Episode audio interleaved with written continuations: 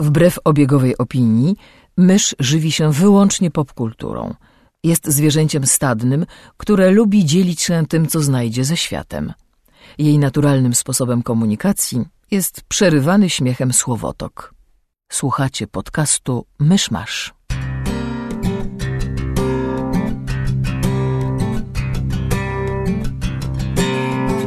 Gospodarzami podcastu Myszmasz są Krzysiek Ceran, redaktor portalu Avalon. Kamil Borek ze studia Kobart. i Mysz, autorka bloga Mysza Mówi. Drodzy słuchacze, jest 10 listopada 2014 roku. Rocznica bitwy pod Warną, a przy okazji domniemanej śmierci Władysława Warneńczyka, rocznica śmierci Michała Korybuta-Wiśniowieckiego, e, urodziny Brittany Murphy, nieżyjącej już aktorki, a także Międzynarodowy Dzień Jeża. Zapraszam do 81 odcinka podcastu Myszmasz. Dobrze, to wracamy po długiej przerwie. Ja tylko chciałem nadmienić na samym początku, że jeśli będę brzmiał w tym odcinku jak New Age'owy prorok, to to dlatego, że jestem, boli mnie gardło i nie mogę mówić za głośno, więc będę mówił mniej więcej na tym poziomie. To tylko słowo e, wstępu ode mnie, ale coś chciałeś powiedzieć. Tak, chciałem się przywitać ze słuchaczami i w ogóle, ale ten tak wskoczyłeś. E, w- Jak New Age'owy prorok. No właśnie. Skoczyłeś na podium i zacząłeś kazać. Chciałem się wyjaśnić, czy usprawiedliwić. E, tak, no to ten. Dobrze was wszystkich słyszeć po długiej nieobecności. Znaczy, my nigdy Dobrze nie słyszymy nas, słuchaczy. dobrze nas słyszeć po długiej nieobecności. Mieliśmy sygnały o, od was, że, że wam było smutno bez nas. I jest nam z tego powodu bardzo miło i, i przepraszamy, że nas nie było, ale Jest nam bardzo miło, kiedy wam jest smutno. jest nam bardzo miło, że tęsknicie. Nie jestem kompletnie bez serca, e, ale mieliśmy różne życiowe perturbacje. E, Ale teraz już wracamy ten regularly scheduled programming. E, Jakieś newsy mamy? E, dużo, ale nie wiem, czy zasługują na omawianie. Po drodze Marvel zrobił wielki No tak, ale reveal. to, ojej, to już jest zeszłotygodniowy news. Tak, naprawdę. dokładnie. E, Christopher Nolan e, się brzydko wypowiedział o Marvelu. tak, a potem to odczekał, znaczy twierdzi, że to nieprawda. E, wyszedł trailer do Hobbit e, Bitwa Pięciu Armii. I... Czy coś CGI, jeszcze? CGI, CGI. Och, tak straszliwie. Boże, jak te trole wyszły, to nie dość, że te trzy trole wyglądają dokładnie tak samo, to jeszcze wyglądają dokładnie tak samo jak ten troll z trylogii.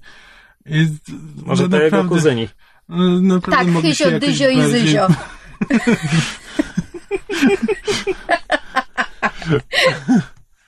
Mogli się trochę bardziej postarać No w to- designie tych stworów. Znaczy inaczej, ja rozumiem, że Jackson jest już zmęczony i że jemu się nie chce, ale że Łecie się nie chce, to tego nie rozumiem. To jest tak wyraźnie Ctrl-C, No Ctrl-V. to, to się udziela. jakby biorę to pod uwagę, tylko strasznie mnie to smuci. Ja, ja... Fajnie, że są ludzie, którzy potrafią się Hobbitem cieszyć i jakby kładą lachę na to, że, że to cieszy? jest... Tak, Tak. wbrew pozorom znam ludzi, którzy bardzo na tego Hobbita czekają. Wszyscy znamy na przykład zwierz. Tak. Kiedyś będzie go trzeba zaprosić i niech się wytłumaczy czemu, bo ja tego nie rozumiem. Zwierz podchodzi do tego, jak, jak mam wrażenie, jak do mm, fanfika i, i ona chyba ogląda film głównie dla, dla postaci i dla aktorów. Może niekoniecznie w tej kolejności, no? no nie wiesz, Martin Freeman jako Bilbo jest spoko, Tak, no, e, Richard postaci- Armitage jako Thorin też jest spoko. No To są, to są jakby jedyne punkty, które ratują ten film. To Ja się postaci zgadzam. I aktorzy. No mówię, są ludzie, którzy, którzy się cieszą i jakby cieszę się ich szczęściem. Znaczy fajnie, że ktoś potrafi się tym, tymi filmami jeszcze cieszyć, ale ja z, z każdym kolejnym filmem coraz bardziej po prostu opadają mi witki. No nic, poczekamy, pożyjemy, zobaczymy. Zostało nam ile? Dwa miesiące niecałe? To pewnie jakoś w grudniu będzie. Mm, Zawsze jest grudnia. pie, koniec grudnia albo początek stycznia. Jakoś tak. No, a Gwiezdne Wojny dostały tytuł. Tak, i jedni stwierdzili meh, reszta stwierdziła u nu nu nu. A prawda jest taka, że jeżeli film będzie dobry, to i tak wszyscy łykną ten tytuł i będzie równie kultowy, co Imperium kontratakuje. Znaczy, tytuł, tytuł jest banalny, ale ten autor bloga Pulp Warsaw bardzo dobrze to ujął, że Gwiezdne Wojny są kultowe, ale są przaśne. I zawsze były przaśne Dokładnie. i wszystkie dotychczasowe tytuły były przaśne i Przebudzenie Mocy, czy jakkolwiek to przetłumaczył, jest równie dobre, czy równie złe jak Nowa Nadzieja, Imperium kontratakuje i Zemsta Sithów. Mm, dokładnie. Dziś widziałem ten e, przewidywania na temat tytułów kolejnych części. Było ten e, mo, moc pije filiżankę kawy, moc patrzy się tempo w okno. Nie, nie, nie. Jeżeli, jeżeli to jest rzeczywiście rodzaj fanfiku do Gwiezdnych Wojen, to jeszcze musi być e, e, e, moc schodzi na śniadanie, jak prawdziwa Marysu z blogasków. No, musi być coś takiego. No. To chyba tyle z newsów. Mhm, chyba. Nie mówiliśmy o Konstantinie po tym, jak już się oficjalnie zaczął. W sensie, ja mówiłem o tym pilocie, co wyciekł. Still haven't seen it. Aha. ja widziałem. No teraz były już chyba trzy odcinki, z czego ja widziałem dwa, w tym tego pilota, który różnił się od tego wakacyjnego paroma scenami a, i jednym fajnym efektem. To znaczy fi- finałowa konfrontacja między Konstantinem i demonem w, pilocie. W pilocie tym, co wyciekł, to, to jest po prostu demon, co pełtał jakiegoś tam gościa. E, W, skończonym pilocie, tym, który wyszedł dwa tygodnie temu, on w pewnym momencie przyjmuje wygląd e, demonicznego Konstantina. I to wygląda dużo lepiej, jest dużo ciekawsze niż, niż w, te, w tamtej wersji. A, ale poza tym, Matt Ryan jest fajny w tej roli. Nie do końca mi się podoba to, jak ta rola jest napisana, ale to już nie jest jego, jego wina. E, Nie widzę żadnego powodu, dla którego. Jeśli ktoś na przykład ogląda jakąś inną nadnaturalną bzdurę, jak Supernatural czy, czy Sleepy Hollow, nie widzę powodu, dla którego miałby przerzucić się na Konstantina. Jeżeli nie jest super fanem postaci, Nie. powiedzmy. Jeżeli jest super fanem postaci. To tym bardziej. Z komiksów, zwłaszcza tych klasycznych, a nie tych po reboocie, kiedy Konstantina włączono do głównego świata DC, czy przywrócono, bo on technicznie rzecz biorąc tam zaczynał. A no to z kolei się wkurzy na, na to, co jest nie tak z tym przedstawieniem postaci. Jest e, o tyle interesujące i o tyle różni się od Supernaturala czy od Sleepy Hollow, że jakby w Supernaturalu są potwory, w Sleepy Hollow są rytuały i kultyści, a jakby w Konstantinie jest taka magia, magia. Jeśli na tym się będzie skupiał serial, na zaklęciach i na rzeczywiście magii w realnym świecie, to to może być dla mnie interesujące. No, niestety- Szczególnie, że Sleepy Hollow jakoś nie mam serca oglądać. Niestety pilot nam obiecuje, że to się będzie skupiało na konfrontacji nieba z piekłem, co mi się nie podoba, No bo to jest wtedy to nudne i jest rzecz- przerabialiśmy to Tak, to, to, poza tym to jest y, powtórka z Supernaturala.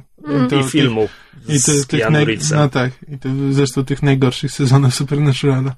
Mhm. Ale właśnie, bo jeszcze tak a propos newsów i Supernaturala skojarzyło mi się, em, że odcinek, który będzie w e, tym nadchodzącym tygodniu, to jest dwusetny odcinek serialu. Mm, Co jakby niewiele seriali mimo wszystko dochodzi do tego etapu. I gdyby ktoś mi te 7 lat temu powiedział, że zaczynam oglądać serial, który będzie miał 10 sezonów, 200 odcinków i perspektywę na kolejne 10 sezonów, bo tak się producenci odgrażają. O, błagam, żeby tak nie było. To, to bym go chyba wyśmiała. mm. No i będzie, No, będzie, to kolej, będzie to kolejny odcinek meta pod tytułem fanfiction, więc Aha. Prawdopodobnie fandom dostanie fisia, bo są, są dwa obozy zazwyczaj przy, przy tego typu odcinkach w fandomie Supernatural. Jedni są, którzy stwierdzają na zasadzie, o fajnie, fajnie, że trochę tak, tak y, mrugają do, do fanów i trochę się z nich naśmiewają, no bo gdyby traktowali, prawda, gdyby stawiali fanów na piedestale, no to mielibyśmy kuriozalną sytuację pod tytułem twórcy robią serial tylko i wyłącznie dla fanów, zamiast robić coś, co chcą robić. No nie może być mimo wszystko takiej telewizji. Jednak twórca musi mieć jakieś, jakieś jakąś swoją wizję, na którą fani nie mogą wpływać. A drugi obóz zawsze jest taki pod tytułem o, oni nas w ogóle nie szanują, naśmiewają się z nas, kto tak traktuje fanów. Więc jestem bardzo ciekawa, jak bardzo gówno uderzy w wentylator w przyszłym tygodniu. No, to tak, przepraszam, troszkę zboczyłam z tematu. Jaki był temat? A jeszcze e, a propos Konstantina, e, mam pytanie, bo ja nie obejrzałam jeszcze żadnego odcinka, ale słyszałam, em, słyszałam o tym, że po drodze została zmieniona ta główna żeńska postać i teraz słyszałam przebąkiwania, że ta nowa postać jest absolutnie fatalna i właściwie nie wiadomo, czemu ją zmienili. To znaczy, przede wszystkim, przede wszystkim pilot jest teraz dziwnym odcinkiem, bo ta poprzednia, to, że tak powiem, towarzyszka doktora e, jest główną postacią w tym pilocie i potem, Potem jest taka znika. dziwna scena, kiedy nie, e, ona nie idzie z nami I, i tyle ją widzieli. E, no ta nowa była w jednym odcinku, znaczy oby, widziałem na razie jeden odcinek z nią i to jest zdecydowanie za wcześnie, żeby cokolwiek o niej mówić. Ogólnie jako postać wydaje się ciekawsza. I To tyle mogę powiedzieć. Mhm. No, aktorsko jakby wydaje mi się, że nie ma wielkiej różnicy między jedną a drugą. Ja Ale ten, e, ona e, ma, ma wizję i, i rysuje, co pozwala twórcom umieszczać grafiki z oryginalnego Hellblazera. Tak. Portrecik Johna Konstantina. Przeczytałem książkę. Ja Już myślałem, że serie, przy serialach jesteśmy. Aha, nie no, proszę bardzo, możemy zostać. A propos premier serialowych, to obejrzałam pierwsze dwa odcinki Elementary, które wróciło. Trzeci sezon teraz wrócił. I w sumie nie wiem, co myśleć. Trochę żałuję, że, że ty, Kamil, nie widziałeś, bo może był mi, byłbyś mi w stanie powiedzieć, co mam myśleć. E, w każdym razie bohaterowie jakby... Twórcy, żeby jakby ciągnąć serial dalej, a ponieważ serial opiera się na dy, dy, dynamice jednak e, Sherlocka i, i, i Watson, to twórcy postanowili jakby zburzyć poniekąd te relacje i, i, i zacząć ją budować od początku, żeby, prawda, w serialu było napięcie i jakieś scysje i żeby były emocje. I nie wiem, czy mi się to podoba jakoś. Na logikę wiem, że Sherlock jakby jest tego typu postacią, która w pewnym momencie każdemu jest się w stanie przejeść i jakby te konflikty będą raz, raz na jakiś czas wybuchały i wracały, ale nie wiem, czy mi się podoba idea takiego jakby na siłę skłócania postaci. W sumie żałuję, bo Elementary też była takim serialem z tych, z wielu różnych seriali detektywistycznych, które obecnie mamy na antenie, które oglądałam z prawdziwą przyjemnością, właśnie ze względu na tę fajnie rozegraną relację i teraz tak tutaj trochę, nie wiem, patrzę, patrzę na nich i mam takie, nie wiem, nieprzyjemne uczucie. Straciłam jakoś odrobinę serca. Nie widziałem, ale jakby rozumiem, że rzeczywiście no, też mnie często wkurza, od choćby już w Supernaturalu, gdzie co sezon znajdują nowy nowy powód, dla którego bracia Winchester mają się kłócić przez całą resztę sezonu.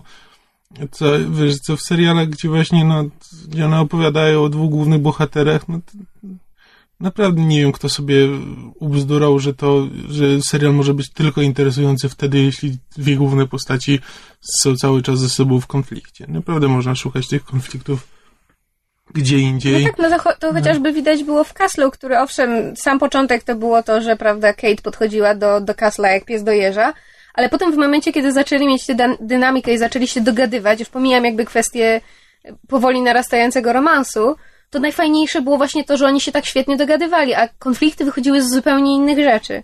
No Tak, albo na przykład Sleepy Hollow, który dla, jedynym, jedynym dobrym powodem, dla którego ten serial oglądam, to jest właśnie relacja Ika Tak, Boda z, e, zapomniałem jak się nazywa kobieta.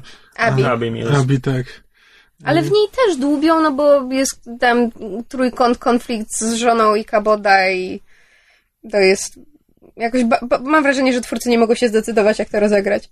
Znaczy wiesz, jeśli to jest tam w ramach jednego odcinka coś się nagle zepsuje, to okej, ale jeśli to jest pomysł na cały sezon, że te główne postacie, na których ma nam zależeć, mają się teraz kłócić z jakiegoś głupiego powodu przez cały czas, no to naprawdę nie wiem, cholerę to oglądać. Wiesz, ja z Supernatural mam, mam teraz taki problem, że e, nie pamiętam, nie pamiętam, czy wspominałam w e, podcaście, w każdym razie na pewno pisałam o tym, ponieważ zaczęłam luźną współpracę z e, serwisem Pulpozaur i oni tam mają taką fajną serię, która się nazywa Wielogłos, to po prostu grupa osób e, wspólnie komentuje jakiś na przykład e, odcinek czy parę odcinków serialu i właśnie żeśmy we czwórkę, e, w tym z Kathią, znaną słuchaczom podcastu, żeśmy e, omawiali pierwsze dwa odcinki em, Supernatural i teraz będziemy omawiać kolejne dwa i pisaliśmy też wspólnie e, artykuł o e, właśnie dwusetnym odcinku Supernatural, taki wspominkowy na zasadzie, prawda, ulubione sezony, ulubione relacje i tak dalej, i tak dalej.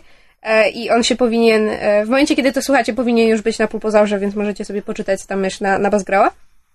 W każdym razie obie z Katją żeśmy e, twierdziły, że sezon dziesiąty powinien w miarę długo pociągnąć wątek i tutaj spoiler, jeżeli ktoś nie nadgonił dzie- dziesiątego sezonu, em, powinni jak najdłużej pociągnąć wątek Dina Demona. No bo to jest rzeczywiście drastyczne zmienienie relacji między braćmi i to jest ciekawe, ten konflikt, ta, ta zmiana dynamiki. Po czym w trzecim odcinku to jest e, jakby odczarowane, w sensie mm, po prostu problem zostaje usunięty i, i jakby owszem, wiadomo, że ten wątek będzie powracał i ten konflikt nadal nie jest rozwiązany i że będziemy pewnie mieć flashbacki z tego Demon Dina, ale to jest po prostu, to jest It's such a dick Tak, move. No po mamy- prostu, wiesz, bo robią ci cliffhanger pod tytułem Dean jest demonem, czekasz cały, cały tam pół roku, żeby wrócił kolejny sezon, po czym po trzech odcinkach ci to rozwiązują. Na zasadzie, a spoko, daliśmy radę. What the fuck? No, w ogóle, jak można zmarnować Znaczy- tak fajny wątek? Zwłaszcza, że Jensen Ackles świetnie w tej, w tej, w tej roli, e, znaczy jakby w tej nowej wariacji tej roli wypadał, świetnie się bawił i mm, tak to rozwiązują? Znaczy, najgorsze jest to, że jakby konflikt zostaje, a to, a jedyna interesująca jego część została rozwiązana. Dokładnie. Znaczy, To jest właśnie to, co mówisz, że oni uparcie myślą, że jeżeli bracia będą skłóceni, to ten serial będzie ciekawy. A to nie jest prawda, bo teraz jesteśmy na tam czwartym odcinku, czy, czy zaraz będziemy mieć piąty. Oni są nadal skłóceni. Naprawdę widzieliśmy to już tyle razy w tylu różnych wariacjach, że to już nie jest ciekawe. A to, że Dean był Deanem i co z tego wynika... Dean był Deanem, tak. Dean był demonem i co z tego wynikało, nagle nam odpadło. Jasne, będą nam tam raz na jakiś czas, wiesz, rzucać jakieś okruszki w flashbackach albo w jakichś, nie wiem, koszmarach, które Dean będzie miał i w ogóle buchu, byłem demonem, robiłem złe rzeczy. Łała, wypłacz mi rzekę. Ale Mm. ja, ja będę nadal Supernatural oglądać prawdopodobnie do końca, ale już naprawdę trudno mi jest z tym znajdować pozytywy. W momencie, kiedy oni nawet w miarę sensowne rzeczy po prostu wymazują od ręki na zasadzie, a bo, bo tak. No. To chyba tyle z seriali. Ale mówiłeś coś o książce. Książka, tak. E, Przeczytałem jedną z książek, które Ocean Soul polecała. e, Kiedy to było? 15 odcinków temu? Kiedyś u nas polecała. Mm, e, Składany nóż KJ Parker. Pani lub pana autora ukrywającego się pod pseudonimem KJ Parker. A, nie wiem od czego zacząć. Od początku. Nie, czekaj, zacznij od środka, a potem wiesz. No to za, zacznę, zacznę od tego, że ta książka mnie tak niesamowicie irytowała przez cały czas lektury. Tak, tak, bardzo mnie irytowała, tak strasznie. Wszystkie zabiegi stylistyczne autora. Mm. Krótko o treści. Rzecz dzieje się w, w mieście państwie wzorowanym na republikańskim Rzymie, ale nie do końca, trochę z twistem. Ale też takie są realia mniej więcej, właśnie mniej- mniej więcej taki poziom techniki. Chyba, mówię chyba, bo po prostu budowanie świata w tej powieści jest tak szczętkowe. A, a głównym bohaterem jest e, Basso, który dość szybko, znaczy technicznie rzecz biorąc, widzimy całe jego życie, bo książka się zaczyna w dniu jego narodzin, ale tak naprawdę już gdzieś tam na 30 czy 50 stronie zostaje mm, głową państwa. A przy okazji jest, e, kieruje też największym bankiem w tym mieście państwie. E, w związku z czym tam przez całą książkę jakby ma, ma w ręku całą władzę, tak? Bo ma, ma władzę wykonawczą, bo, bo wygrał wybory, a przy okazji ma większość kasy w całym tym organizmie państwowym.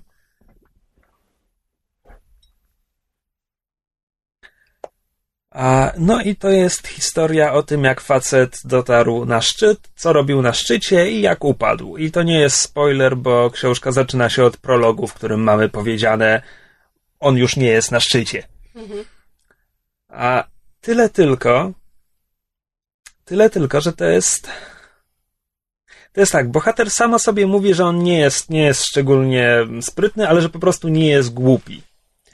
I to dlatego mu się udaje. Tylko, że to pokazanie, że nie jest głupi, jest zrobione tak, że on i jego najbliżsi sprzymierzeńcy to są jedyne myślące osoby w tej powieści. Mamy przypadek gry Endera. i to nawet, nawet do tego stopnia, że, że tam po prostu nie ma innych bohaterów. Znaczy, tam przewija się dużo imion, e, w tym na przykład e, dwaj ludzie z, chyba z żołdu głównego bohatera. Mamy dwa imiona i one się powtarzają przez całą książkę. Ja nic o nich nie wiem, oni w ogóle nie są opisani. Nic o nich nie ma, oni po prostu są, pojawiają się w dialogach, żeby mu przytakiwać albo mówić, ale mamy takie trudności, a on im mówi, jak, jak się je rozwiąże. I to jest wszystko, co ja wiem o tych dwóch facetach. Więc takich postaci, o których mogę coś powiedzieć, jest, jest w tej książce pięć, pięcioro, z czego czworo to jest, to jest Basso, główny bohater i jego najbliżsi sojusznicy, a jedna, no to jest ta jedna osoba, która mu się sprzeciwia. Tyle tylko, że ona z kolei działa kompletnie nieracjonalnie. A cała reszta to są przypadkowe problemy, to jest przeciwnik polityczny, który pojawia się w jednym akapicie, by stronę dalej już, już nam powiedziano, jak Basso się z nim uporał. To po, po prostu bohater idzie przez życie jak nóż przez masło, dlatego że tam nic się nie dzieje. Znaczy, okej, okay, dzieje się, ale, ale on się z tym wszystkim jest w stanie uporać w trymiga. A, I my nawet, my, czytelnik, nawet nie wiemy, czy, czy to naprawdę jest sprytne zagranie, bo nie mamy informacji o tym świecie. Mhm. Nie, nie mamy jak ocenić, że to jest sprytne zagranie, bo mamy tylko powiedziane, aha, no wymyśliłem to. Oni tego nie wymyślili. Mhm. No i, no i, tak. potem, i potem mamy upadek, który jest splotem okoliczności w dużej mierze niezależnych od głównego bohatera dość przypadkowych, więc nawet nie ma kwestii, że, że ktoś go przechytrzył, no tylko w końcu skończyło mu się szczęście. No. Tak naprawdę. A... No szkoda, bo jakoś się pamiętam, że jak Ocean Soul o tym mówiła, to tak bardzo entuzjastycznie i do tego stopnia, że ja byłem bardzo ten... E no tak. Przekonam, że chciałbym to przeczytać, ja no, słucham ciebie. Mogę, i... mogę ci pożyczyć. Ona, ona tak entuzjastycznie mówiła o dwóch książkach tego autora i ja kupiłem je obie w Carrefourze na promocji. A... No przynajmniej tyle dobrego, że dużo nie straciłeś. 10 mm, złotych sztuka. No co? A... Niezbyt dużo. Ale tak, co... Bo mówię, że, że mnie irytowała ta książka przez całą lekturę. A po pierwsze stylistycznie. Nienawidzę...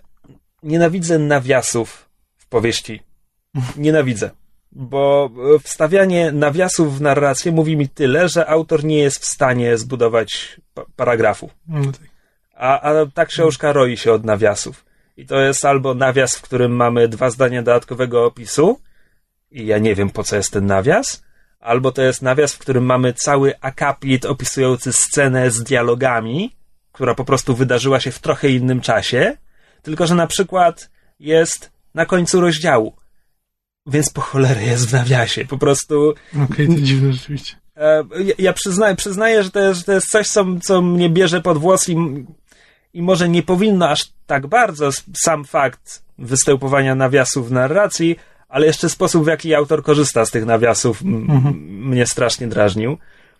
Strasznie mi się nie podoba ten, ten sposób na, na budowanie świata, gdzie po prostu mamy tak szczątkowe informacje o nim, gdzie ja wiesz, po, po, jestem w połowie książki i nie jestem pewien, jaki jest poziom techniki w tym świecie. Jestem w połowie książki i właściwie nie wiem, jak wygląda to miasto, w którym akcja się toczy. Przeczytałem całą książkę i właśnie mówię, nie jestem w stanie nic powiedzieć o, o dwóch postaciach, które przewijają się przez całą książkę, poza ich imionami. Natomiast muszę przyznać, że mogę nie być w pełni obiektywny w tym wszystkim, ponieważ. A... Nienawidzisz Ocean Soul. nie. E, no ja, ja jest, jestem przekonany, że większość ludzi w tak zwanym fandomie sama coś, coś twórczo robi, a przynajmniej chciałaby. No i ja idę przez życie z pomysłem na książkę, przy którym dłubię od paru lat. Na zasadzie mam swój mały brudnopisik, w którym zapisuję równoważniki zdań czasami. A, i ten mój pomysł nie jest, że tak powiem, nie jest do końca całkowicie odmienny od tego, czym jest składany nóż. I w hmm. związku z czym, jak widzę podobne inspiracje dla autora, to strasznie mnie wkurza to, jak bardzo on je zmarnował w moich oczach. No tak. A więc może to wpływa na moje ogólne postrzeganie, ale nie podobała mi się ta książka. Podsumowując. Też mam jeszcze, mam jeszcze młot, bo kupiłem, mówię, obie na promocji. A tylko, że zrobię sobie przerwę od KJ Parker, zanim, zanim wrócę do niego, niej. No, to tyle, tyle powieści z mojej strony. Skoro jesteśmy przy książkach, to i ja bym chciała wspomnieć, e, że skończyłam czytać e, książkę Deerskin Robin McKinley, o której mówiłam ostatnio. E, jestem nadal całkowicie nieoczarowana i zakończenie jest e, jakby jeszcze lepsze niż, niż e, sama książka i, i jakby znaczy, to jak dobrze mi się książkę czytało i za jak dobrą ją uważam, zostało jakby. sprawiło, że miałam pewne oczekiwania odnośnie finału i finał jakby nie zawiódł, wręcz przerósł moje oczekiwania. Autorka rzeczywiście nie, nie boi się poruszać naprawdę trudnych tematów w bardzo takiej specyficznej baśniowej otorsce. E, ale wydaje mi się, że jest to przede wszystkim kwestia tego, tej konkretnej książki, ponieważ następnie przeczytałam jakby na fali e, czytania retellingów, czyli tych takich nowych, nowych wersji baśni. Wzięłam się za jej taką krótką serię właśnie typowo retellingowych książek. Seria nazywa się Folk Tales. I Pierwsze dwie, o dziwo, dotyczą tej samej baśni, a mianowicie Pięknej Bestii. I pierwsza nazywa się Beauty, druga nazywa się Rose's Daughter. Pierwszą przeczytałam, drugą właśnie czytam. I tak jak Deerskin mi się, mi się, mi się bardzo, bardzo, bardzo podobało, e, tak muszę powiedzieć, że czytanie jedną po drugiej książki tej samej autorki na ten sam temat w dwóch różnych wariacjach. Znaczy inaczej, naprawdę uważam, że Robin McKinney jest, jest naprawdę fantastyczną pisarką i jakby jej styl i jej wyobraźnia i to, jak plastycznie potrafi pewne rzeczy opisać i um, jak dużo jest, jest w jej książkach humoru. To znaczy, na przykład czytając e, pierwszą książkę Beauty, e, przy, przy tym, jak e, McKinley opisała interakcję pięknej z e, jakby z obsługą zamku, prawda? U Disneya to są e, antropomorficzne sprzęty, prawda? Typu kandelabr, zegar, imbryczek i tak dalej McKinley jakby nie chciała pójść w tę samą kliszę, co nie zmienia faktu, że w, że w baśni o pięknej bestii no, jest ta jak, w jakiś tam stopniu na przykład niewidzialna albo magiczna um, służba i, i, obsługa. I czytając właśnie interakcję pięknej z, z, tą, z tą niewidzialną obsługą, autentycznie wybuchałam śmiechem, co jakby zupełnie się tego nie spodziewałam, czytając książkę, która jest taką, prawda, baśnią fantazy. Um, i, I naprawdę ciekawie to wypada, bo to jest w sumie nietypowe, żeby autor dwa razy próbował opisać tę samą historię i z jednej strony aktywnie się starał, żeby była różna, znaczy, żeby, żeby wersje się między sobą różniły, a z drugiej strony, ponieważ to jest ba znana baśń i pewne elementy muszą być zbieżne, jakby jak, jak lawiruje między tymi dwoma elementami. Bardzo mi się to podoba mówię, nie jest tak dobre moim zdaniem e, jak Deerskin, zwłaszcza językowo, ale mam wrażenie, że to jest kwestia też tego, że jakby chyba baśnie dzieją się w troszeczkę innych okresach e, pseudohistorycznych, nazwijmy to sobie, w związku z czym McKinley troszeczkę bardziej stylizowała język w, w Deerskin. Um, przy, przy tych folk tales mamy już troszeczkę bardziej przystępną e, formę. I i nadal jest to po prostu autorka, którą, jeżeli ktoś lubi retailingi, jeżeli ktoś lubi takie właśnie y, pięknie, y, pięknie językowo i tak pięknie jakby nie wiem jak to nazwać. Cały czas mi przychodzi do głowy porównanie z gobelinem, bo to jest właśnie taka... Utkane. Dziękuję, tak. Zręcznie utkane wątki i... i, i, i, i... Delikatnie wydziergana fabuła. Teraz już przesadzasz. Wyplana w perwolu. e, i, I postacie, które są... Znaczy, to, co mi się u Macmillan podoba, to jest to, że ona buduje postaci złożone jak origami. O Boże, przestań Krzysiek, bo cię trzepnę kubkiem, no.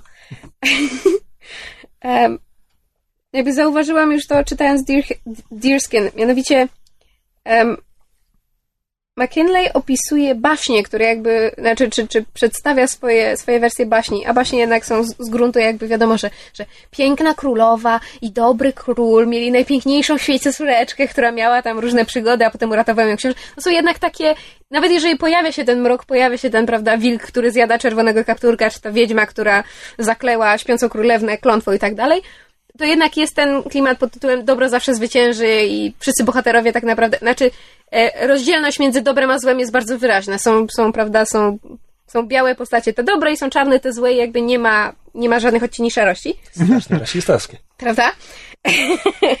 a McKinley tak tak zręcznie i tak ciekawie opisuje, e, znaczy tworzy swoich bohaterów, że na przykład czytając na początku Deerskin opis właśnie pięknej królowej i dobrego króla, ona tak subtelnie przeszarżowała ich piękno, dobroć i wspaniałość, że mały głosik z tyłu głowy zaczyna ci podpowiadać, że it's too good to be true. I to jest jakby prawdziwe we, we wszystkich trzech książkach, które do tej pory o niej przeczytałam. To znaczy, ona właśnie nie, nie robi tego czarno-białego podziału bardzo zręcznie, znowu tutaj skojarzenia z Gobelinem przeplata, prawda, ten, ten mrok i jasność w swoich postaciach. E, I naprawdę, jeżeli ktoś lubi retellingi, jeżeli ktoś lubi taką bardziej klasyczną fantazy, nie w sensie magia i miecz, tylko takich właśnie um, na przykład trubadurskich opowieści, czy legend, prawda, jak są, jak, jak są legendy arturiańskie, tego typu um, opowieści, to naprawdę bardzo serdecznie polecam. Myślę, że można sięgnąć po dowolną, dowolną jej książkę, bo ona nie tylko pisze retellingi, ale też um, bardziej stricte fantazy i zamierzam stopniowo przechodzić przez, przez większość jej bibliografii, więc bardzo możliwe, że jeszcze będę o niej wspominać. W każdym razie bardzo, bardzo, bardzo serdecznie zachęcam. O. To co, filmy? Nie, może gry komputerowe. Ostatni raz mówiłem o grze Dreamfall Chapters i niestety nie mogę o niej powiedzieć nic więcej, bo mam problemy techniczne, w sensie... Komputer odmówił współpracy? Tak, ona mi słabo działała, potem w ogóle przestała działać, w sensie się uruchamiała, ale nie, nie było można w nią grać, więc zacząłem grzebać w sterownikach i teraz w ogóle się nie uruchamia. A, Brawo. Tak. Więc o Dreamfall Chapters nie wiem, kiedy będę mógł powiedzieć coś więcej. Natomiast miała miejsce premiera gry Civilization Beyond Earth. No tak, gry, rzeczywiście. Gry, na którą strasznie długo czekałem. Znaczy strasznie długo, mniej więcej odkąd ją zapowiedziano. A, bo o ile ja nie darzę wszystkich produktów Firaxis miłością bezwzględną, tylko, tylko XCOM, ale cywilizacja i czwarta, i piąta to były bardzo fajne gry, co do których miałem sporo zastrzeżeń, ale zawsze zżerały mi mnóstwo czasu i było to bardzo przyjemne. Więc czekałem na Beyond Earth, tym bardziej, że od jakiegoś czasu nie grałem w strategię tak zwaną typu 4X i już była pora. Była pora, żebym znowu coś takiego zagrał. E, I ojejku, jejku, jak, jak się strasznie rozczarowałem Beyond Earth. Ojej. A tak dobrze się zapowiadało. E, to znaczy tak. E, przede wszystkim nie grałem w Alpha Centauri, bo teraz dużo, dużo zastrzeżeń po internecie jest takich, że ojejku, to nie jest Alpha Centauri, chociaż twórcy od początku mówili, to nie będzie Alpha mhm. Centauri. E, więc ja nie mam tych zastrzeżeń. Mm, więc pod względem gameplayu to tak jakby jest cywilizacja 5, tylko z drobnymi zmianami, tylko że te wszystkie drobne zmiany, wszystkie, wszystkie są na gorsze. I tej grze tak bardzo nic się nie dzieje. I niby, niby w cywilizacji 5 też spełzasz, że tak powiem, 400 z 500 tur spełzasz tylko na klikaniu następna tura, ale grając w cywilizację 5 masz ten syndrom jeszcze jednej tury. Ty chcesz to kliknąć, chcesz zobaczyć, chcesz czekać, aż coś się w końcu stanie. Przy Beyond Earth naprawdę nie chcę. I składasz na to wiele powodów. E, kilka to jest rzeczy, które będą mogli naprawić patchami, bo to są problemy, problemy z interfejsem, gdzie informacje, które są ci potrzebne, nie są na widoku. Mm, rzeczy w typu, wiesz, odkrywasz, odkrywasz jak pozostałości jakiejś sądy, dostajesz za to bonus do, e, do odblokowania technologii, nazwa technologii, tylko, że nie masz, nie masz, że tak powiem, hiperwatcha teraz w, te, w, tym komunikacie, żeby sprawdzić, co to jest ta technologia, kiedy będziesz mógł to wynaleźć i co nadaje. Mhm. Musisz przejść do sieci technologii, bo tutaj nie ma drzewka technologii, jest pajęczyna technologii. Mhm. Tylko, że twórcy sami nie potrafili być konsekwentni w tej metaforze, bo uważaj, sploty pajęczyny to są gałęzie i mają liście. Boże święty. No, no właśnie. Makes sense to me. No właśnie. E, I jeszcze sposób prezentacji pajęczyny jest beznadziejny, bo to są takie bardzo duże bloki z, z, informacją, znaczy z tekstem, jak, jak się nazywa technologia i kilkoma ikonkami. Jak na to najedziesz, to jest opis, co każda ikonka znaczy, co ona ci daje. Tyle, że kiedy jesteś w zbli- masz zbliżenie na to, żeby móc odczytać, czym jest ta technologia, to nie widzisz całej pajęczyny. Jak wyjedziesz do całej pajęczyny, to nie ma tekstu na tych mm. gałęziach i nie widzisz, co to jest. E, no a poza tym, że tak powiem, drzewko technologiczne w cywilizacji nigdy nie miało specjalnie sensu, bo tam musisz wynaleźć garncarstwo, żeby, żeby móc wynaleźć kompas, czy coś takiego. Tam nie ma, nie ma ciągu przyczynowo-skutkowego tak naprawdę. E, Ale w momencie, kiedy to jest science fiction i to wszystko są science fictionowe technologie i te wszystkie nazwy to są jakieś wymyślone słowa to ci zupełnie nic nie mówi, to jeszcze w położeniu z tym brakiem logiki po prostu ta pajęczyna jest kompletnie nieprzejrzysta. No tak. A, I wreszcie to, co jest dla mnie najgorsze, to znaczy, jak grasz w cywilizację, to nawet jeśli byłeś kompletnie beznadziejny z historii w szkole podstawowej, to mimo wszystko coś wiesz o historii świata. I mimo wszystko masz tę frajdę, że grasz Polakami, właśnie zbudowałeś piramidy i kłócisz się z Marokańczykami z Zaodry. Mhm. E, Piramidy w Polsce? Tak, bo na tym polega gra w cywilizację, że te cuda świata są dostępne dla każdej cywilizacji, jeśli tylko to ona wybuduje je pierwsza. Ha, fajer. Więc możesz Polakami wybudować mur chiński, piramidy, statuę wolności chyba. Więc jakby masz cały zasób swojej wiedzy o historii świata, która jest twoją podstawą do tego, czemu, czemu gra w cywilizację jest tą fajną piaskownicą, gdzie a teraz to wszystko przemieszamy i będzie fajnie.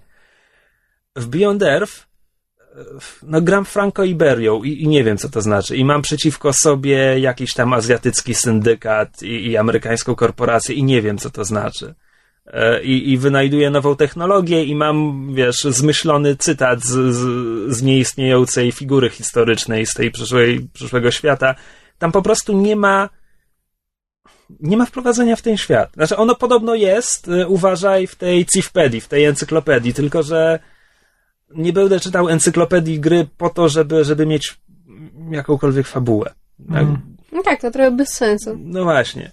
W związku z czym rozgrywka w Beyond Earth zamienia się tylko w podejmowanie decyzji, że okej, to jak, jak teraz kliknę to, to moje farmy będą mi dawały jeden symbol jedzenia więcej i to nie ma kompletnie otoczki fabularnej. To jest tylko takie granie w numerki. I też inne decyzje, nie wiem, no są, są ci kosmici, którzy zastąpili barbarzyńców i kosmici są tak agresywni wobec ciebie, jak ty jesteś agresywny wobec nich. Mniej więcej, bo czasami jednak cię zaatakują bez, bezpodstawnie. To brzmi fajnie, tylko że jeśli ja sobie podjąłem decyzję, okej, to ja będę pokojowym gościem, więc nie atakuję kosmitów, więc okej, raz na 30 tur jakiś czerw pustynny pożyczony od Herberta z ziemi robotnika, ale ja ich ignoruję i oni mnie ignorują i, i, po, i nie ma problemu. I, I to po prostu, i to jest cała moja interakcja z kosmitami na tej Rozwiązałeś planecie. problem wojny międzygalaktycznej. No właśnie. A do tego ta gra wygląda nudnie. To jest wszystko takie zgniło, zielono, brunatno-fioletowe Mhm. kolory. Strasznie mnie to rozczarowało. A ponieważ Beyond Earth nie zaspokoiło mojego głodu na cywilizację, na, na strategię 4X, zacząłem grać w Endless Legend, które jest fantastyczne. Endless Legend jest z tej samej firmy, która zrobiła Endless Space. Nie pamiętam jak firma się nazywa. Amplitude Studios? Coś takiego? Ty grałeś w, Endless Space, może pamiętasz? Grałem w Endless Space, ale nie pamiętam jak się nazywa. studio. No dobra. E, W każdym razie, żeby było zabawniej, Endless Legend e, technicznie rzecz biorąc jest grą fantasy, tak naprawdę to jest science fantasy, bo świat, na którym się toczy rozgrywka, to jest jedna z planet ze świata Endless Space. Więc to jest Mhm. takie, no właśnie, science fantasy. I to na pierwszy rzut oka rozgrywka przypomina cywilizację, ale jest w niej strasznie dużo ciekawych zmian, strasznie dużo ciekawych decyzji trzeba podejmować. I sam właśnie prezentacja fikcji tego świata jest fantastyczna. E, tam odkrywanie tego świata, eksploracja, na co drugim heksie są jakieś niewiarygodne rzeczy, które po prostu podkreślają, jak niesamowity jest ten świat. E, rasy. Rasy, które możesz wybrać na początku gry, są po prostu od siebie tak odmienne. Znaczy, okej, jest kilka nudnych, podstawowych ludzkich cywilizacji, e, ale ja gram humanoidalnymi smokami, które są dyplomatami. Albo masz e, rasę nomadów handlarzy, którzy nie mogą nikomu wypowiadać wojen, ale za to ich miasta są zbudowane na grzbietach gigantycznych żuków i mogą się przenosić. E, więc po prostu różnice między tymi rasami są jakby, wyobrażam sobie, że, że rozgrywki mogą wyglądać kompletnie inaczej po prostu przez wybór y, startowej nacji. Mm. Czy świat jest podzielony na regiony i w każdym regionie może powstać tylko jedno miasto. Więc e, lo, ten, to jak zakładasz miasta ma, ma dużo większe znaczenie, bo jakby e, miasto wybudowane w regionie staje się tak jakby jego stolicą, tak? Mhm. Więc, więc ta mapa jest podzielona na, nie wiem, 20, 20 parę, 30 regionów, więc to jest jakby limit miast, które będą mogły powstać. No nie wiem, w każdym razie Nie, Myślę, bo to brzmi trochę, trochę jak przy Endless Space. No, Też jakby zakładam, było- że jakieś rozwiązania pozostały. E, więc Endless Legend mi się strasznie podoba, strasznie mnie wciągnęło i, i że tak powiem, mam ten swój fix, 4 xów. I jest to bardzo miła odtrutka na rozczarowanie, jakim było Beyond Earth. Bardzo możliwe, że Beyond Earth się poprawi, tak jak cywilizacja się poprawiła z kolejnymi dodatkami. Tyle tylko, że, że tak powiem, tak zwana wersja vanilla cywilizacji 5 była grą, która mnie wciągnęła. Beyond Earth nią nie jest. Więc nie wiem na ile tak naprawdę dwa dodatki, bo pewnie tyle będzie, bo Firaxis tradycyjnie tyle robi. E, nie wiem na ile poprawią tę grę. I teraz możemy przejść do filmu. Ale zanim przejdziemy do filmów, które widzieliśmy wspólnie, ja chcę tylko bardzo krótko powiedzieć o zaginionej dziewczynie. Bardzo krótko i bardzo ogólnie, bo wy złośliwie nie obejrzeliście filmu, więc tak naprawdę Znaczy- nie mogę nic powiedzieć. Jeżeli mogę wtrącić dwa słowa. Ja mam problem z tym, że teraz w kinach jest bardzo wiele filmów, które ja bym bardzo chciała obejrzeć, ale najpierw muszę przeczytać książkę. Tak mam z, e, właśnie z Zaginioną Dziewczyną, z, e, z Rogami, z tym, z Danielem Radcliffe'em. Jest, jest parę takich filmów. Znaczy, ja wiem, że można je traktować Wiem- oddzielnie, wiem, ale ja bym nie, chciała. Wiem, że to no. nie jest ogólna zasada, ale, ale podobno możesz się rozczarować zaginioną dziewczyną, jeśli będziesz znać książkę. W każdym razie, ujmę to tak, to jest film, na który najlepiej iść wiedząc o nim jak najmniej, Znaczy, wiesz co, ja bym więc znajomość książki może I- bardzo dużo odebrać Ja, seansu. ja bym chciała zrobić po prostu eksperyment, ten, eksperyment społeczny, to tylko będę musiała się tutaj skonsultować z Kamilem, żeby, bo Kamil też filmu nie widział i książki nie czytał, Mhm. więc myślę, żeby zrobić tak, że ja przeczytam książkę i obejrzę film, a Kamil ewentualnie zrobiłby na odwrót, czy po prostu by obejrzał sam film. Bo znaczy ja już od, od, od, właściwie od momentu, kiedy zaczęłam prowadzić bloga i, i, i nawet jeszcze wcześniej, po prostu bardzo się zastanawiam, jak jak bardzo na odbiór danego dzieła popkultury wpływa kolejność, w której się widziało. I to się tyczy zarówno duetu książka, ekranizacja, jak i na przykład um, oryginał i remake. To takie e, e, ongoing research prowadzę. Mhm. Dobra, w każdym Wracając razie, do filmu. Ponie, ponieważ nie chcę mówić za dużo o filmie, więc tak naprawdę nic o nim nie powiem, poza tym, że strasznie mi się podobał. E, nie jest bez wad oczywiście, niektóre zachowania postaci ech, kwestionuję, czy one naprawdę były, że tak powiem, logiczne i uzasadnione. E, ale no Fincher, więc wiadomo, że jest to bardzo fajnie wyreżyserowane, praca kamery jest bardzo fajna, muzyka znakomicie podkreśla to, co się dzieje na ekranie. Kto robił muzykę? Eee, Reznor i, i Ross znowu. Natomiast to, co było moim największym zastrzeżeniem i to przez co bałem się iść na ten film, to znaczy on jest pełen aktorów, których nie lubię. Znaczy pełen, no, główne role. To Rosamund aktor- Pike i Ben Affleck. tak, to są aktorzy, których nie lubię.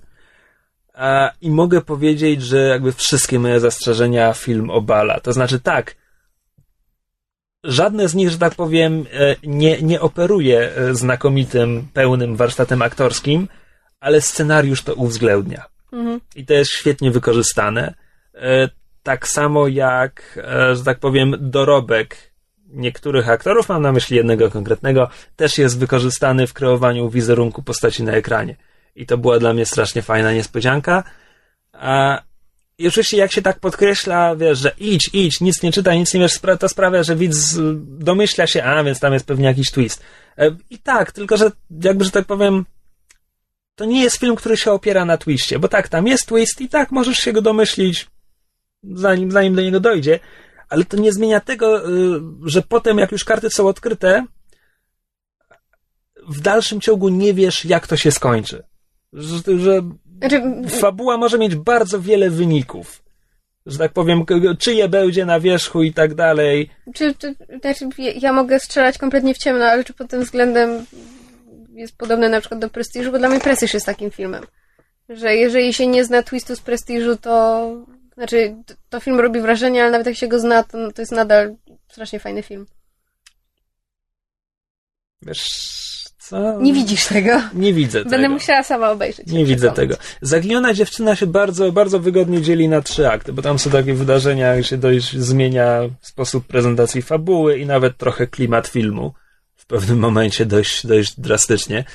E, I właśnie ten pierwszy akt to jest, że okej, czekamy na twist i potem dwa kolejne są, gdzie naprawdę ja nie miałem pojęcia, co, co się za, za chwilę stanie. I bawiłem się świetnie i, i to duże szanse, że to będzie mój film roku. Strasznie mi się podobał. Ło, podobała. Zaginiona dziewczyna. No. E, to tyle, to teraz tak. Po raz pierwszy od bardzo dawna byliśmy wspólnie w kinie. I to dzień po dniu. I to Kto dzień po dniu na dwóch z- seansach. Że udało nam się przetrwać. Ale E- za, za drugim razem już posadziłam Kamila między nami, bo stwierdziłam, że nie zjesę. E, to może... Dziękuję bardzo. Nie no, E, to, komentując pierwszy film, świetnie się bawiliśmy. to może w kolejności chronologicznej ją omówimy, Ja się tak? zgadzam. Tak jest. Więc obejrzeliśmy dzieło wiekopomne pod tytułem e, Dracula, historia nieznana. Dracula Untold. And for a good reason. Listen to the children of the night. What music they make.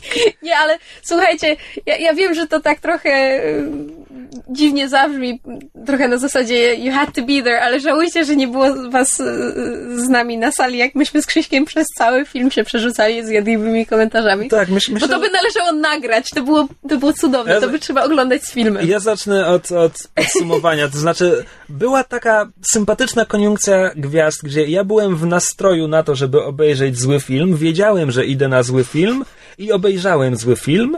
I ponieważ te trzy rzeczy się, się zbiegły, to przez to dobrze się bawiłem przez półtorej godziny. No, Natomiast nie ulega żadnej wątpliwości, że to jest bardzo zły film. absolutnie, to nikt się z tobą nie To kłóci. jest bardzo zły film, który jest e, źle napisany, źle zagrany przez prawie wszystkich. Tak. E, źle wyreżyserowany, źle, Źle nakręcony. Do muzyki też bym się przyczepił, ale już nie mam serca.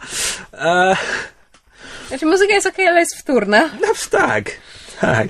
To może teraz zacznijmy od e, e, mniej więcej o czym jest fabuła i... No, i... fabuła jest o Władziu Palowniku i o tym, jak został e, wampirem.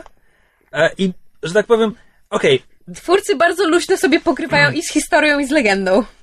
Trzy, trzy zalety, które jestem w stanie znaleźć w tym filmie, to tak sam pomysł wyjściowy, to znaczy przedstawić e, w, w, Vlada Palownika jako okej, kogoś, kto go, kogoś, kto uległ większej mocy, bo miał w tym dobry cel, jako taką sympatyczną postać, okej, to jest niezły pomysł na historię. Jest kompletnie zwalony, ale to jest niezły pomysł wyjściowy.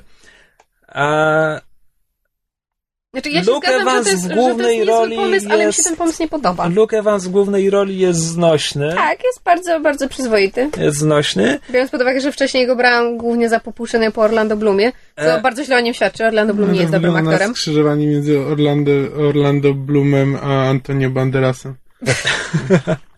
I tak, oczywiście Dracula w czasie tego filmu w pojedynkę rozwala dwie armie, ale w finale musi stoczyć pojedynek jeden na jeden z kimś, kto będzie głównym przeciwnikiem. I to jest niezwykłe, że w tak złym filmie ta walka jeden na jeden jest nieźle uzasadniona i ogólnie mi się podobała i sama idea zasta- tej, tej pułapki i tak dalej, to nawet mi się podobało. I w tak złym filmie naprawdę się nie spodziewałem tego.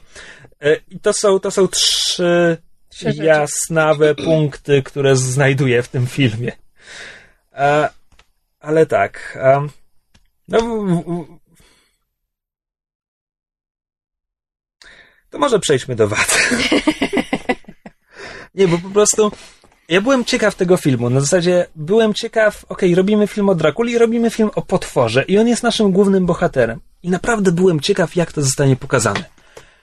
No więc to nie zostaje pokazane. No nie, no Znaczy, bo właśnie prologu- zrobili, zrobili bohatera Mesjasza. Ale to jest tak, bo w prologu mamy powiedziane, że on jest okrutnym łotrem, co mordował niewinnych. I on nawet w pewnym momencie mówi, jestem okrutnym łotrem, co mordował niewinnych. Ale po Tak. prostu zasada show don't tell. On to mówi raz, w filmie się do tego przyznaje, a poza tym wszystko, co robi w tym filmie, to są dobre decyzje, podejm- no może nie dobre decyzje, ale zawsze podejmowane po to, żeby ratować swoich bliskich No tak, i no. kraj. I on jest po prostu nieskalanie czystą postacią. Droga jest potworem, piekła- który jest nieskalanie czystą postacią. Droga do piekła, znaczy w tym wypadku droga do zostania wampirem jest wybrukowana dobrymi chęciami.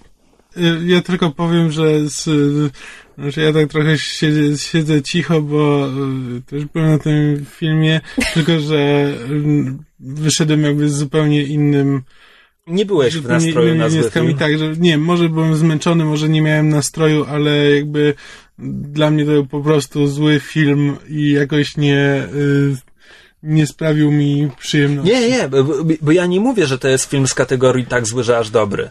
E, Tutaj trzeba włożyć dużo wysiłku w seans, żeby, żeby coś z niego wyciągnąć. My z myszą włożyliśmy bardzo dużo wysiłku. Może właśnie dlatego, może dlatego, że jakoś tak nie miałem siły, nie uczestniczyłem w waszych tych... Jad E. płynął rwącą rzeką. Sala była niemal pusta, tam było chyba może pięć osób, więc mam nadzieję, że nam wybaczą. Zwłaszcza, że, znaczy, nieskromnie mówiąc, byliśmy szalenie dowcipni.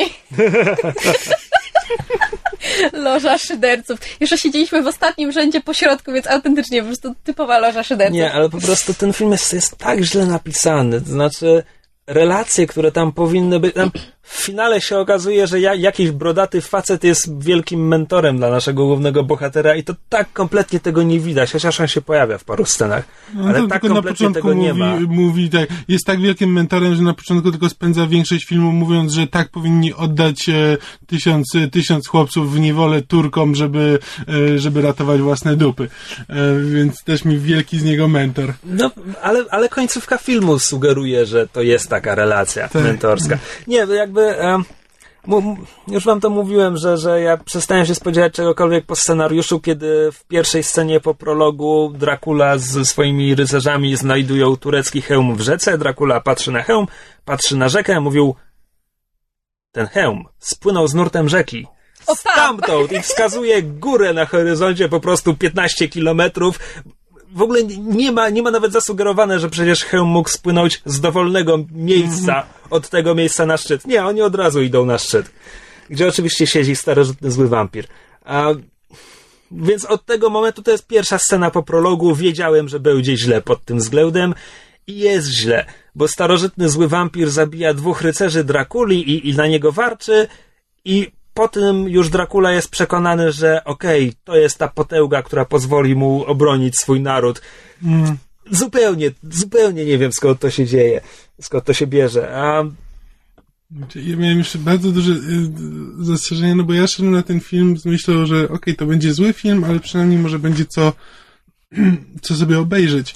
A już w pierwszej scenie walki, już nie, nie mówiąc o tym, że wszystkie najfajniejsze sceny zostały wykorzystane w trailerze, więc nie bardzo było co oglądać, ale pierwsza scena walki to jest naprawdę, to a, jest ta szkoła... pierwsza bitwa, jaka To jest była koszmarna. szkoła prowadzenia kamery z Jasona Borna. Znaczy, gorzej, dlatego E. że jest kompletnie ciemno tak. i już nawet, i, i, nawet ich chyba choreograf walki, jeżeli jakiegokolwiek mieli, a nie tylko się naparzali przypadkowo na miecze, kompletnie nie wiedział jak, jak doradzić reżyserowi w ogóle jak to Nie, nakręcić. nie, choreografa walki mieli, bo zauważ, że w ostatecznym pojedynku Tak, z Howardem. Starkiem to jest całkiem Ale spoko. co, to jest zwłaszcza, że tam, tego- zwłaszcza, że tam kamera jest spokojna w ostatecznym pojedynku. Tak, ale to jest właśnie Natomiast w tego, pierwszej bitwie to, tam jest tak szybki teledyskowy Tak, to jest montaż, prostu, Tak, dzieją- stroboskopowy dzieją się- Tak, tam montaż. się dzieją rzeczy i nie jesteś w stanie stwierdzić, A potem kto ktoś wygrywa, jeszcze kto sobie, nie. ktoś jeszcze miał genialny pomysł na scenę, Tak. żeby końcówkę bitwy zaprezentować jako odbicie w klindze miecza.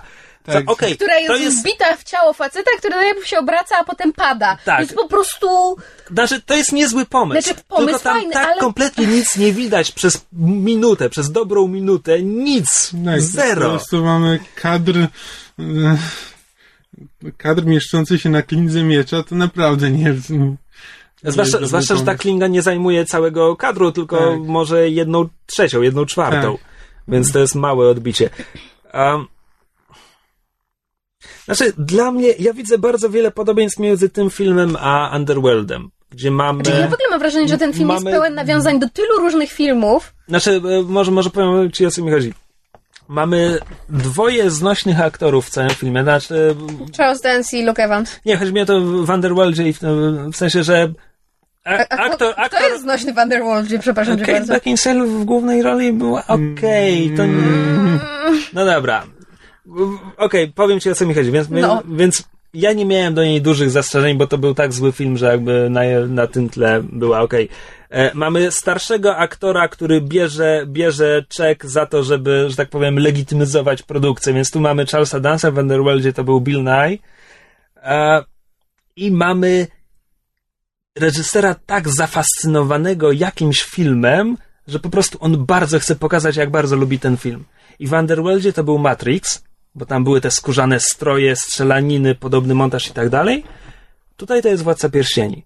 E, praca kamery, kiedy pokazujemy panoramy gór, kiedy pokazujemy maszerujące armie i tak dalej, to jest wszystko zależnie z Władcy Pierścieni. I nawet fabularnie to jest trochę dwie wieże. Okej, okay, idą na nas, to przenieśmy się do tej twierdzy w górach, tam się możemy obronić. E, więc no. E, I w tym wszystkim nie wiem, ja wiem, że są ludzie, którym autentycznie Underworld się podobał. Ja tego filmu szczerze mówiąc prawie nie pamiętam. Widziałem ja widziałam wszystkie filmy ale... z serii. No, widziałem na pewno pierwsze dwa. E, I w związku z tym, no nie, no dla mnie to jest też podobna kategoria. Znaczy zły film, który jeśli spełni się bardzo odpowiednie, konkretne warunki przed zasiąściem do seansu, to seans może być przyjemny na zasadzie nabijania się z wad. Ale to mówię, koniunkcja gwiazd musi być odpowiednia. Hmm. Znaczy, moim zdaniem to jest film, który czerpie z tylu różnych źródeł i tak bardzo próbuje opowiedzieć, jakby poruszyć tyle różnych wątków, że to się kompletnie wszystko, to się, to się nie splata w jedną całość, tak jak wiesz, żeśmy się śmieli, że, że oni tak, zmienili e, autentyczną jakby historię Władzia Palownika, to znaczy jakby jego biografię zmienili na potrzeby filmu, właściwie nie wiadomo dlaczego. Chyba po to, żeby był bardziej, wiesz, Chrystusowym Zbawicielem. Zmienili e, jakby, nie wiadomo właściwie dlaczego, znaczy inaczej, zmienili mitologię wampirzą, czy też stworzenia wampirów, też na potrzeby filmu, żeby zrobić z niego jeszcze większego chojraka na zasadzie, och, ja się oprę złym mocą, będę dobry, bo to wszystko jest, prawda, z miłości do mojego kraju i mojej rodziny. I i chyba najbardziej w tym wszystkim e, kompletnie już rozwaliło mnie na łopatki um, epilog filmu. Tutaj postaram się obejść spoiler, ale jeżeli ktoś zna książkę e, Brama Stokera Dracula, z której jakby twórcy czerpią też, Wybiórczo. też czerpią, powiem tak, to może się zdziwić epilogiem. Ja w każdym razie po prostu turlałam się po ziemi krzysie kwiatkiem. E, pomijam, że jak tylko zobaczyłam e, sam początek epilogu, tam, tam zajmuje ostatnie, nie wiem, 2-3 minuty, to od razu wiedziałam, jak to się skończy. Powiedziałam Krzyśkowi, rzeczywiście się okazało, że mam rację. Jeżeli ktoś zna Drakulę, jest fanem tej historii, to też prawdopodobnie od razu zgadnie, jak to się skończy. I... Nie wiem, znaczy jestem, e, tak jak żeśmy rozmawiali w trakcie, e, znaczy przed seansem i po seansie, że to jest e, to jest redkonowany początek nowego uniwersum tak, studio, potworzego. Studio Universal też chce mieć swoje połączone filmowe uniwersum, tylko nie ma, nie ma żadnych superbohaterów, na których mieliby licencję, więc w związku z tym będą robili uniwersum z mumią. Właściwie nie wiem, co oni tam jeżeli będą się sugerowali klasyką, no to będzie Dracula, Mumia, Frankenstein i The Wolfman. Znaczy, Czyli robią, robią sobie... A ja Frankenstein, czy jakkolwiek się ten film nie nazywał? Nie, to on, on nie należy czyli, do tego. Czyli robią sobie Ale połączone... Czy to Universal? Nie wiem. Nie wiem. Robią sobie połączone uniwersum z domeny publicznej. Tak, tak mniej więcej. Okej. Okay. E, tak, tyle tylko, że oni wpadli na ten pomysł, jak już mieli nakręcone trzy czwarte albo więcej Drakuli. Tak. I postanowili, a co nam tam, Dracula też będzie częścią tego uniwersum, w związku z czym w tym filmie tego nie czuć. To, to nie jest film, który wprowadza podwaliny. Nie, nie ma mowy, że a tam daleko w Egipcie balsamują zwłoki. Nie ma niczego znaczy, takiego. co najwyżej wstecznie będzie można spojrzeć i stwierdzić, eh, no okej, okay, na upartego pasuje.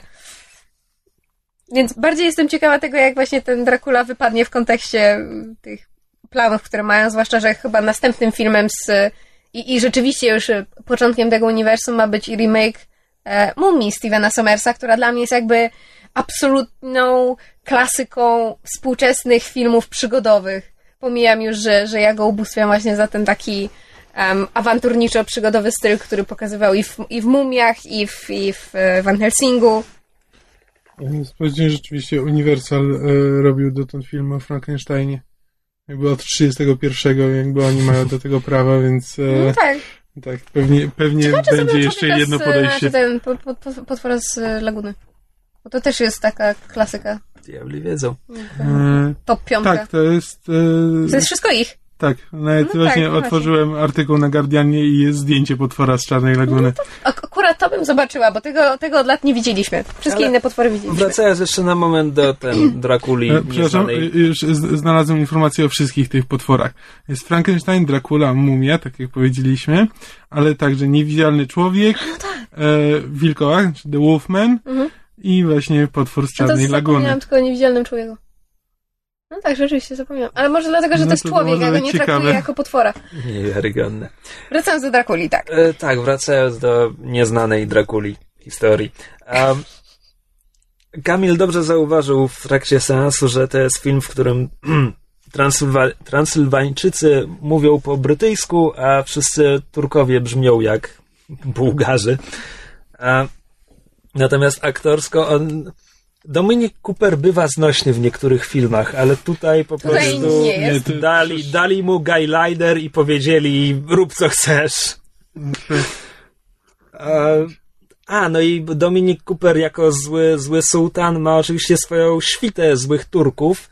W świcie złych Turków są to oczywiście jańczarzy, czyli ch- chłopcy zewsząd, w związku z tym jest tam wiking, e, oraz Jakub Gierszał.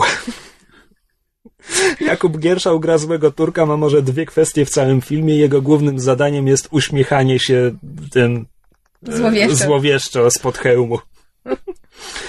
E, nie, nie, nie, wiem, nie wiem, czemu to jest Jakub Gierszał, bo to naprawdę jest rola dla statysty. Ja się, ja się Ale- zastanawiam, jakim cudem on trafił do tego filmu. W ogóle jaki był proces castingowy, No. że oni mają takich aktorów.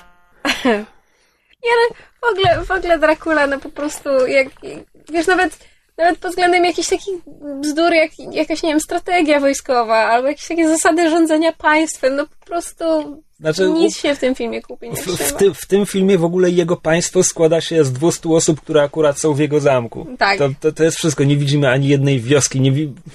To jest po prostu, wiem, no... Pusta ta Transylwania. Budżetu pewnie zabrakło. Jest kilka dobrych kwestii w całym filmie. W całym filmie jest kilka dobrych kwestii, kiedy, kiedy sułtan Dominik Cooper mówi ze wszystkich moich ziem tej naprawdę nie lubię, czy coś takiego. tak. E, Nie, te lubię najmniej chyba. tak, coś takiego. No, No, przez, cały, przez cały film tylko męczyła ta myśl, że on się potrafi zmieniać nietoperze. Widzieliśmy scenę, w której jest w namiocie sułtana i z nim rozmawia i się znają, więc on wie, gdzie ten sułtan jest. Mógłby po prostu tam wlecieć, go zabić i skończyć to wszystko, zanim się jeszcze zaczęło. Ale z jakiegoś powodu tego nie robi. No bo honor to jest wampirzy mesjasz. Znaczy, umówmy się, Jezus to jest, Maruda. To jest film, to jest film w, którym, w którym e, sułtan Howard Stark mówi swoim żołnierzom e, założę wam przepaski na oczy i ja wciąż nie wiem po co. No to, Znaczy, ale ja ci wy, powiedziałam, to jest wytłumaczone tym, żeby oni nie uciekali, jak zobaczą wielką pięść złożoną z tysięcy nietoperzy, która na nich Naprawdę, leci. no ale nie mogą walczyć. Nie szkodzi, tej logiki nie Ale musisz, nie, wiesz, bo chodzi, się dopatrywać. Znaczy, ja, ja to zrozumiałem tak, jeśli miałbym się dopatrywać tam logiki, no to właśnie tak jak mysz mówić, że e, żeby nie uciekli na samym początku, a potem jest już za późno, żeby uciekli, potem już muszą, muszą walczyć, no. Okej. A nie. Nie, nie. Dobra, powtórzę jeszcze raz. To jest źle wyreżyserowane, źle napisane, źle, źle zagrane, źle nakręcone. Jest to bardzo zły film. No tak, jeśli Jest ktoś to- ma ochotę na zły film, to może Jest to zły film. bardzo zły, koszmarny film, na którym jakimś cudem udało mi się dobrze bawić z myszą. I to naprawdę. To, to nie jest tak, że ja pasjami oglądam złe filmy. Tak, to to znaczy- Bardzo rzadko mi się zdarza. Autentycznie, Krzysiek bardzo rzadko się bawi dobrze na złych filmach, bo zazwyczaj zbyt jest skupiony na tym, żeby oglądać zły Jak są bardzo złe filmy, no Tak. właśnie. No tak, koniunkcja gwiazd, Koniunkcja akurat, gwiazd. Się, akurat się trafiło. Natomiast e, zdecydowanie nie warto na to iść do kina. Ja nigdy w tym podcaście nie mówię otwarcie o, o piraceniu, ale nawet nie będę mu, nie mówił czekajcie na DVD, tylko jeśli ktoś ma ochotę na Już zły jest na film, torrentach. tak, to umówcie się ze znajomymi, którzy też lubią nabijać ze złych filmów i ukradnijcie go i naprawdę twórcy nie zasłużyli na to, żeby im cokolwiek płacić. Nie, nie autentycznie. Autentycznie. To, to, to było zrobione, to, to był leniwie zrobiony film. Ja nie widzę, żeby to było, wiesz, bzdura popełniona z pasji przez nie, nie amatorów bez talentu, ale z miłością do kina. Nie, nie widzę tego. To, to, to nie był Ed Wood, który kochał kino, to jest po prostu zły film. Em, Zły. Zły, zły, zły. Zły od sztancy, zły. Dobrze. A teraz przechodząc do jeszcze mniej optymistycznych recenzji. Nie, Czemu? czemu? nie no, żartuję. Drugi film, na którym byliśmy, to Premierowo? premierowo to Interstellar, który chyba nie doczekał się polskiego tytułu, Nie. czyli po prostu Interstellar. Tajemnica kosmosu. A, czyli wielkie dzieło e, kolejne Nolana, Nolanów. Nolanów, Nolanów dwóch.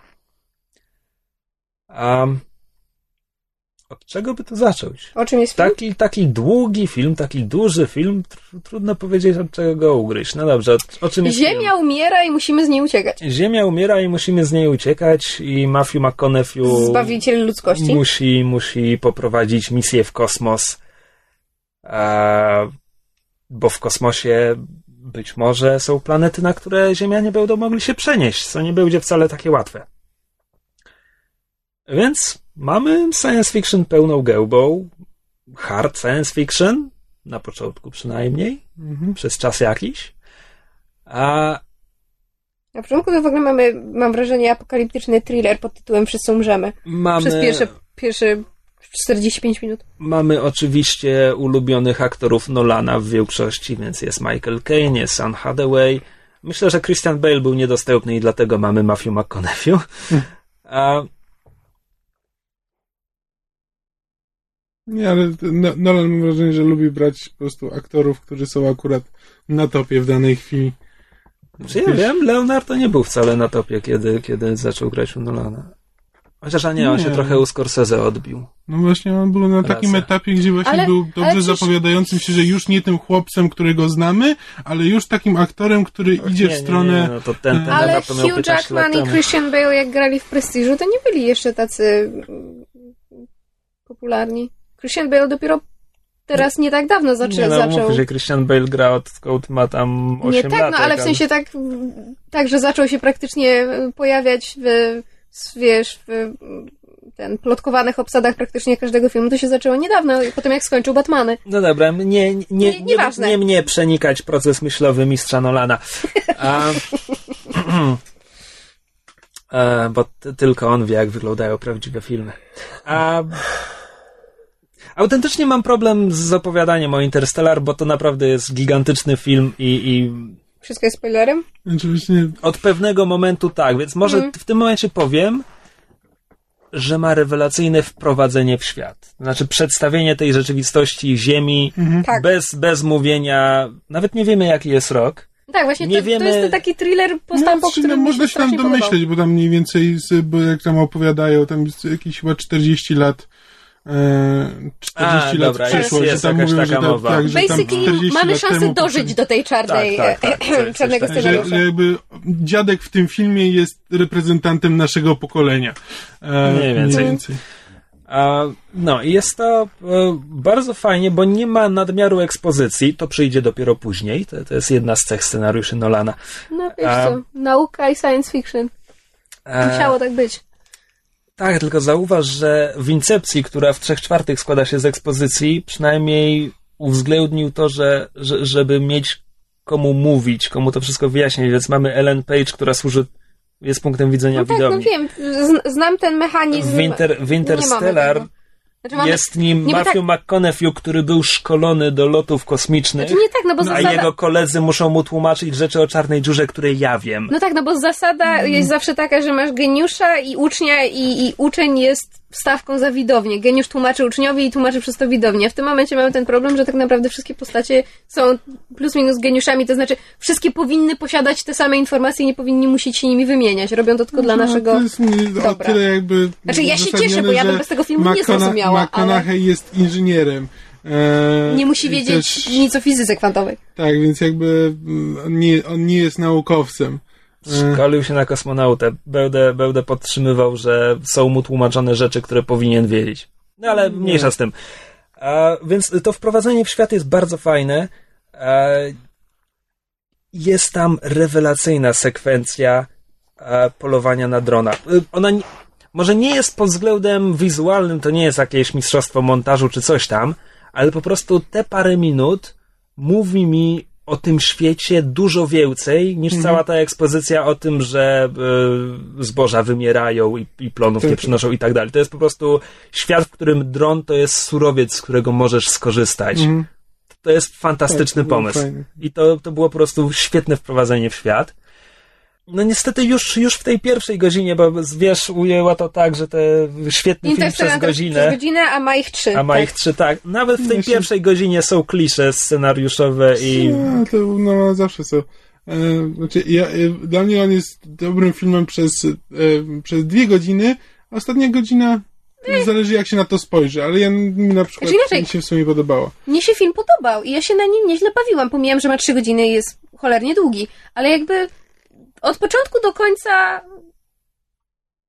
jakby emocjonalnie przede wszystkim kupuję tę historię. Pod względem, wiesz, spójności scenariusza, kwestii zgodności nauki ze stanem faktycznym, jakichś tych warstw metafizycznych, które Nolan od pewnego czasu, jeżeli nie od zawsze kocha wrzucać do swoich filmów, to jakby spycham na, na, na, na dalszy margines. Emocjonalnie ten film na mnie działał, no płakałam z siedem razy w ciągu całej historii, ale dlatego, że to jakby abstrahując od tego, że to jest to hard science fiction, to dla mnie to jednak jest historia o, o, o miłości ojca do córki i Znaczy, mnie to, rusza. to, to, to właśnie przestaje być hard science fiction bardzo Znaczy, no mocno to- no tak, gdzieś no- w połowie. Ale w sensie, A- że, że uparcie się tego trzymają. Wiesz co, y, tylko że tak, tylko że mi część postaci i relacji między postaciami nie, nie grała. Tak, to nie, już nie były, nie w, były w, w domu po seansie rozmawialiśmy o tym z Kamilem, że tam.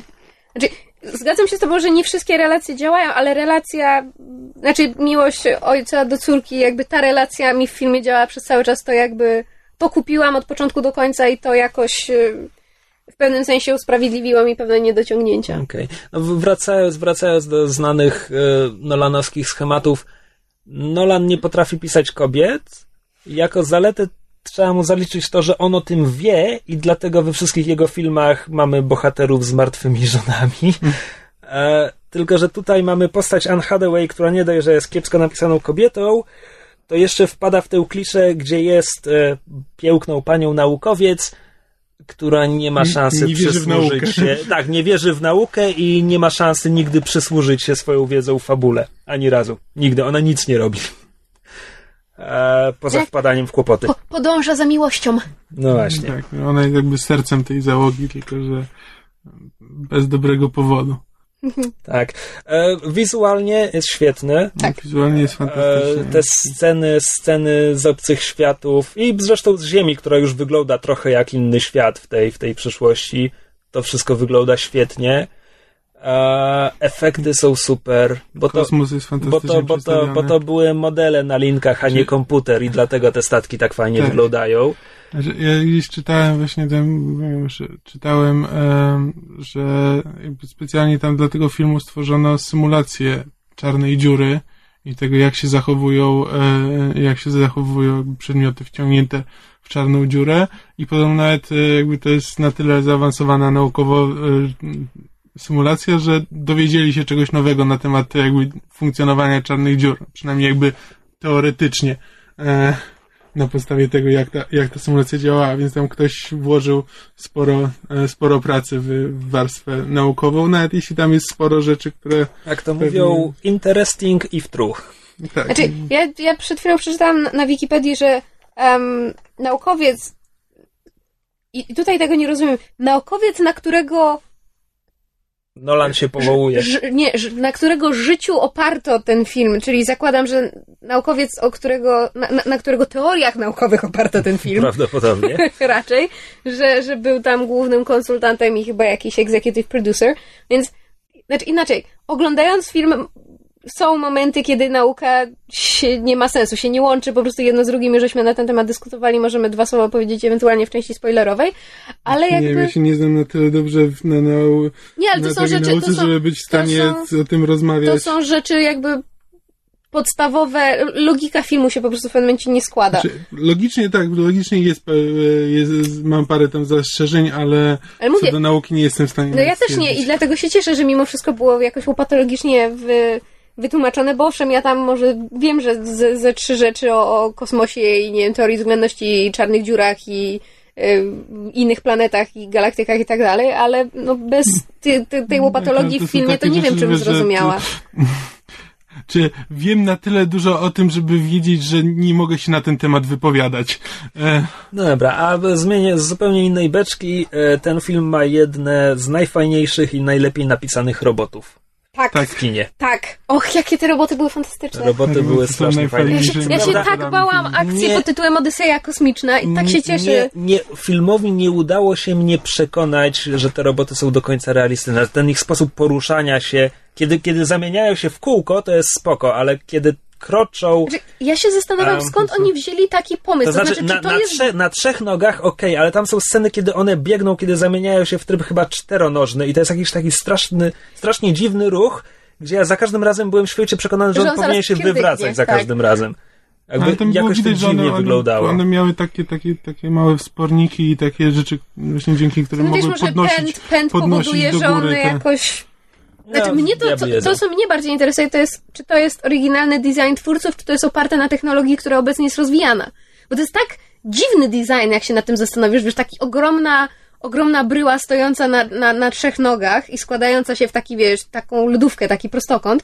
Jest przedziwne, a, e, I strasznie mnie to zdziwiło na początku, dopiero potem w dalszej części filmu, kiedy one pokazują różne swoje możliwości, to stwierdziłam, że a ten design ma jednak sens. Tylko zastanawiam się, czy to jest inwencja twórców, czy to jest jednak coś, co Diabli ludzie wiedzą. próbują, próbują skonstruować. Fajnie by było, gdyby to było coś, coś wiesz, coś prawdziwego. Hmm? Robocik. Czy mamy jeszcze coś semi-inteligentnego do powiedzenia przed częścią spoilerową? Ja się tak próbuję wymyśleć. Znaczy tak, muzyka... Hmm, muzyka była bardzo Nolan, Ja, ja, mam, ja mam zawsze Muzy- problem była- z muzyką u Nolana, bo moim zdaniem on jej nadużywa.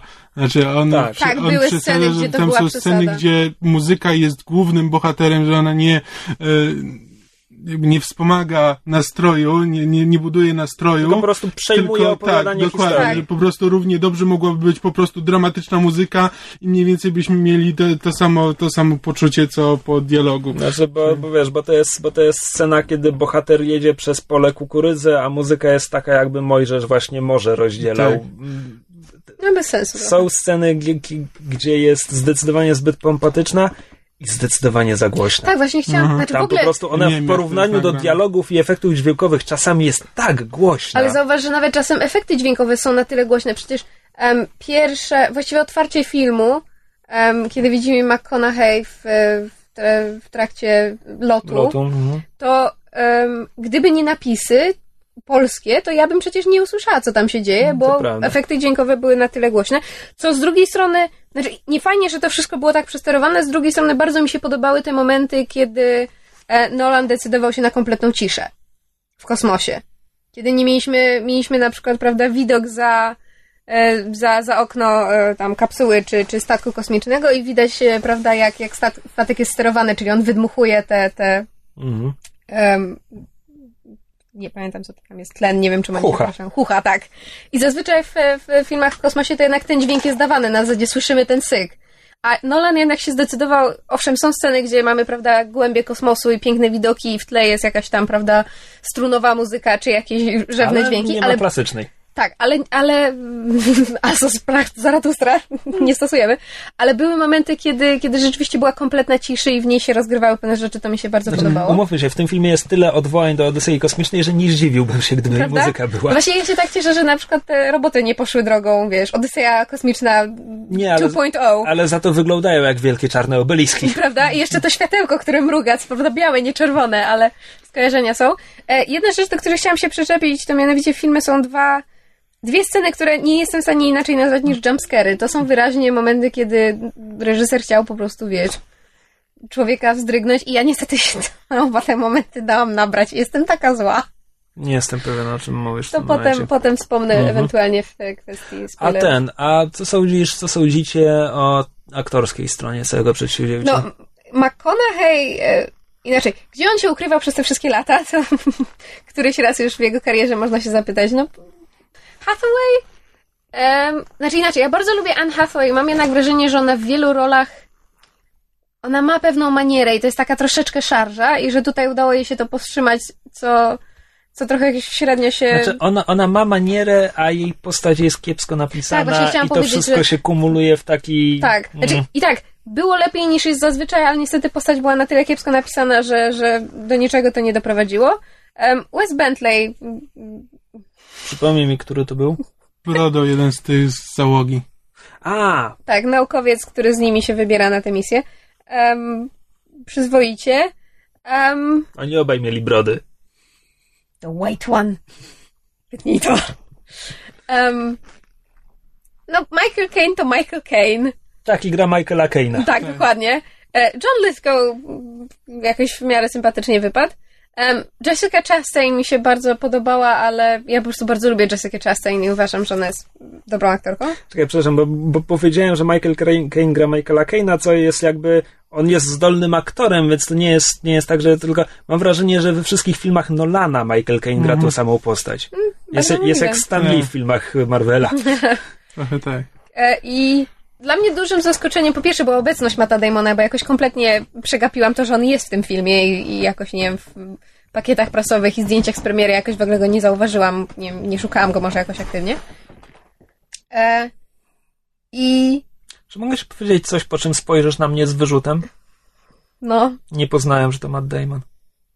Wiesz co, on, Potrzebowałem napisów końcowych, on żeby jest- stwierdzić, on, a, on, on, on, wiesz, on już jest, on już jest tatą, on już jest troszeczkę, ma takie pucie na pysiu, już jest troszkę bardziej przesadzisty i ma siwe włosy, no to już jest tatuś, Okej, no. okej, to p- skoro po tym nie spojrzałaś na mnie z wyrzutem, to podbijam stawkę. W pierwszej scenie myślałem, patrzę na niego i myślę, czy to jest DiCaprio?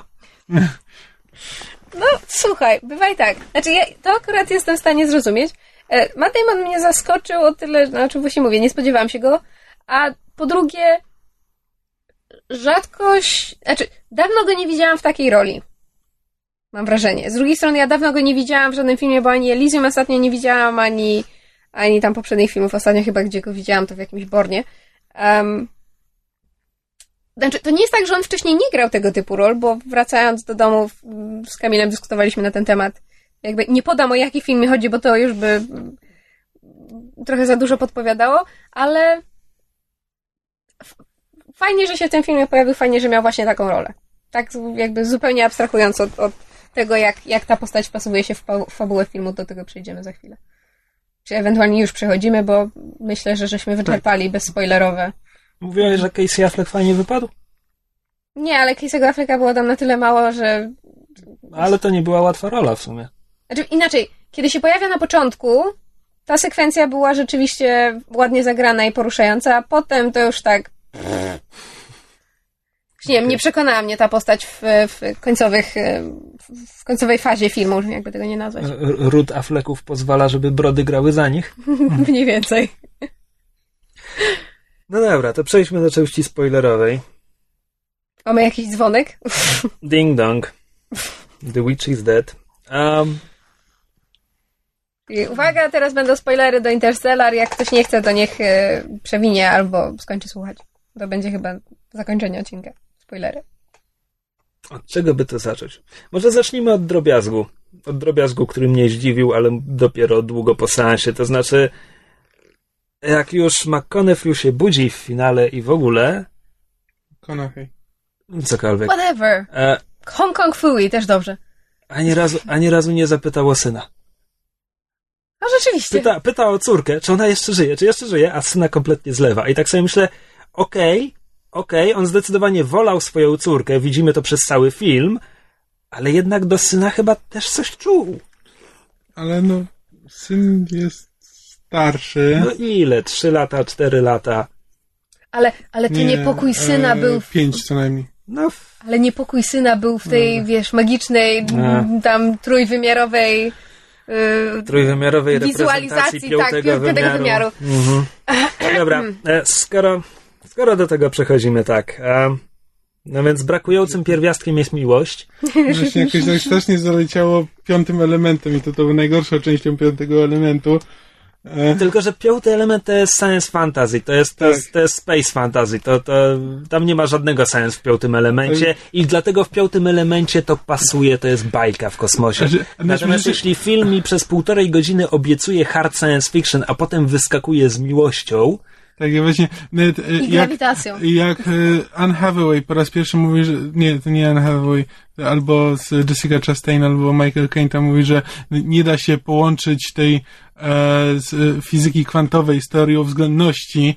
To właśnie de- nachyliłem do Krzyśka i powiedziałem, że jeśli się okaże, że tym elementem, który łączy te dwie teorie jest miłość, to ja wychodzę. I końca. Taki, e, no i niestety musiałem ten, odszczekać własne słowa, bo jednak już chciałem zobaczyć do końca, ale rzeczywiście jak już się tak trochę w finale ciężko mi to było przełknąć. A, a propos finału, to strasznie ten finał był dla mnie niepotrzebny. To znaczy, Ale która jego część? wolałbym ten film, gdyby po- bohater McConaughey, Mac, jak on się nazywa? Aktor. Jak? McConaughey. McConaughey. E, wolałbym ten film, gdyby bohater McConaughey'a e, nie, nie przeżył cudownie przelotu przez czarną dziurę. Bo Tak. to jest, to znaczy, to już tak łamie moje zawieszenie niewiary. Ja, okej. Ponieważ koncepcja w ogóle piątego wymiaru to jest coś, co jakby trud, nie da się tego objąć rozumem, a tym bardziej nie da się tego przełożyć na wizualizację w trzech wymiarach i to jeszcze pokazaną na dwuwymiarowym ekranie. W związku z tym przeżyje nawet magiczną bibliotekę jako, jako zwizualizowanie tego. Natomiast cudowne ocalenie łamie moje zawieszenie niewiary, Zwłaszcza, które że- i tak już było po prostu na cieniutkiej nitce w tym momencie. Zwłaszcza, że jak się nad tym zastanawiałam, to pamiętasz, po seansie się pytałam, e, czy on jak wychodzi z tej czarnej dziury, to on czy jakby, czy on wyskakuje teoretycznie w tym samym momencie, który do niej wskoczył, znaczy jakby biorąc pod uwagę różnicę czasową między tymi, prawda, galaktykami i tak dalej. No tak, no bo I te- wychodzi bo- na to, że tak, tak w bo te sensie siedem- zero czasu. 70 lat już minęło. Tak, w sensie te 23 na początku plus tam potem 50, 51, czy ile tam było. Przy okazji objazdu wokół dziury. Tak, Tak. więc on dokładnie w tym samym momencie wyskakuje. Jakoś już, już pomijam to, że on właśnie nie powinien przeżyć, że to powinno być na, na tej zasadzie, że on przekazał swojej córce tę wiadomość. Nie wiemy do końca, czy, czy udało się to rozwikłać. Liczymy na to, że tak. I on umarł. I ko- znaczy, ewentualnie nie umarł, tylko po prostu no, nie wychodzi z tej czarnej dziury. Czekaj, czekaj, czekaj, czekaj, ale jeśli objazd dookoła czarnej dziury miał ich kosztować 51 lat, tyle tylko, że Cooper w nią wpada, a Brandt leci na swoją planetę, a potem film nam obiecuje, że tam jeszcze będzie jeszcze bardziej happy end, bo Cooper odnajdzie Brandt, Brandt nie spełdziła tyle czasu przy czarnej dziurze, co on. Tam powinna być jeszcze większa różnica czasu między nimi. Ona też powinna być staruszką, je, jeśli on ją w ogóle kiedyś odnajdzie. Nic nie spędziło tyle czasu. No bo ona pojechała po orbicie i, i poleciała Znaczy, na swoją planetę. Oni oboje... Po, A, a jego wciągnęło w Oni czarną mają, dziurę. Tak, o, oni oboje mają 23 lata i tam powiedzmy 51 na karku, tylko że on potem się od niej odłącza i wyskakuje w tym samym momencie, a ona leci dalej, No a on ale potem do niej musi strony, Im dolecieć. bliżej on jest tej czarnej dziury, tym e, zanim go połknie, tym szybciej ten czas dla niego płynie. Więc Nie, może... wolniej. Dla niego płynie Znaczy, wolniej e, przecież. tak, wolniej, wolniej. No w sensie, e, no dlatego to może być ta różnica, że to ona leciała po orbicie dłużej, a on leciał do czarnej dziury krócej. Więc w sumie wychodzi na zero. Dlatego ja właśnie nie chcę się czepiać fizyki, bo żadne z nas nie zna się na tym na tyle, żeby móc powiedzieć stoprocentowo, że nie, to jest głupie. Znaczy nie, bo- nieprawda, nieprawda, bo e, też o tym rozmawialiśmy, e, Krzysiu, przed nagraniem. Em, w momencie, kiedy oni wiedzą, że schodząc na tę wodną wyspę stracą tam, prawda, jedna godzina to jest siedem, siedem, ile tam było lat? 7 lat. 7 lat. Jeżeli oni schodząc na tę planetę wiedzą, że mniej więcej taka jest różnica czasu e, i spędzają tam te plus minus 3 Trzy godziny z godziny. hakiem, no bo wychodzi na 23 lata, to jakim cudem oni naukowo nie wiedzieli, że ten sygnał z planety, który oni otrzymują od tej doktor Miller, dla niej pochodzi sprzed Paru minut. paru minut, że ona dopiero przed chwilą mogła tam wylądować. To jest rzeczywiście, to jest błąd naukowy i to jest błąd, błąd w logice filmu i my to możemy wiedzieć. Tak, nie, to, to No tak. właśnie, więc to jest jakby. Film ma i takie, i takie. e, Nie, nie, nie, to, kwestie. wiesz, to po, po, są tam pewne takie błędy w logice jakby już samego filmu, tylko że mówię na tym, że naprawdę nie wiemy, co się dzieje z człowiekiem w czarnej dziurze Nie, i to, czy on, kiedy on wypadł i Chociaż czy Brand, Krzysiek ma rację. Wątpię, żeby to- w czarnej dziurze ten TARS komputer, znaczy robot TARS i McConaughey mogli się porozumiewać. No, tak. That no, doesn't work też- that way. no Znaczy, tak, na pewno, od- od na, momentu, pewno na oni- obrzeżu nie powinni być w stanie i tam się faktycznie nie porozumiewają. Od momentu, w którym już znajdują się w tej... Tak, to, to, to już jest Tak, fantazy, to, to- już to jest jest- czyste to jest fantazy i to fantazy. już jak sobie Nolan może wymyślić co chcesz, bo i tak mu nie udowodni, że to nieprawda. I tak, i nie, bo okej. Tam pewne rzeczy opierają się na, na aut, autentycznych teoriach, więc em, w Znaczy kosmo... to, że on może tylko na grawitację tam w, e, No dobra, no, wpływać przez... właśnie w, kos, w, kos, w kosmosie są cztery podstawowe siły i ja nie pamiętam ich wszystkich, ale to są wiązania bodajże te tam elementarne między cząsteczkami, magnetyzm, trzeciej nie pamiętam i grawitacja. I grawitacja jest e, żałośnie słaba w porównaniu z nimi wszystkimi. Na zasadzie, że magnes na lodówce, malutki magnesik może pokonać grawitację generowaną przez całą Ziemię. Mm. E, I naukowcy nie do końca wiedzą, Why? jak działa grawitacja i czemu jest taka słaba. I teoria jest taka, że to dlatego, że grawitacja oddziałuje też na inne wymiary. To jest, to jest autentyczna teoria. To jest autentyczna teoria. Natomiast gdy w momencie mamy film, w którym magiczny kosmonauta może wysyłać grawitację w przeszłość, to już nie jest teoria, to już jest, to już jesteśmy Magia. i ten, i, i, i to też przełożenie, przełożenie tego, co on robi na to, co się dzieje, jest, jest takie dziwne, że on jakieś tam gesty paluszkami i, i, i to grawitacja oddziałuje na pyłek w pokoju. Ja już nie- kompletnie nie wiedziałem, co tam się dzieje. Albo to, jak on grawita, grawitacją zaprogramował zegarek? Nie wiem, co Znaczy, się dzieje. Krzysiu, cieszmy się, że w tej scenie nie stało się to, czego żeśmy się wszyscy straszliwie bali, to znaczy, że ona sięgnie ręką i wyciągnie go z tej cholernej biblioteczki. Tak, tak, z ręką Bo- na sercu bałem się, że tak, tak właśnie ja, będzie. ja, ja się tak strasznie bałam, że to tak będzie.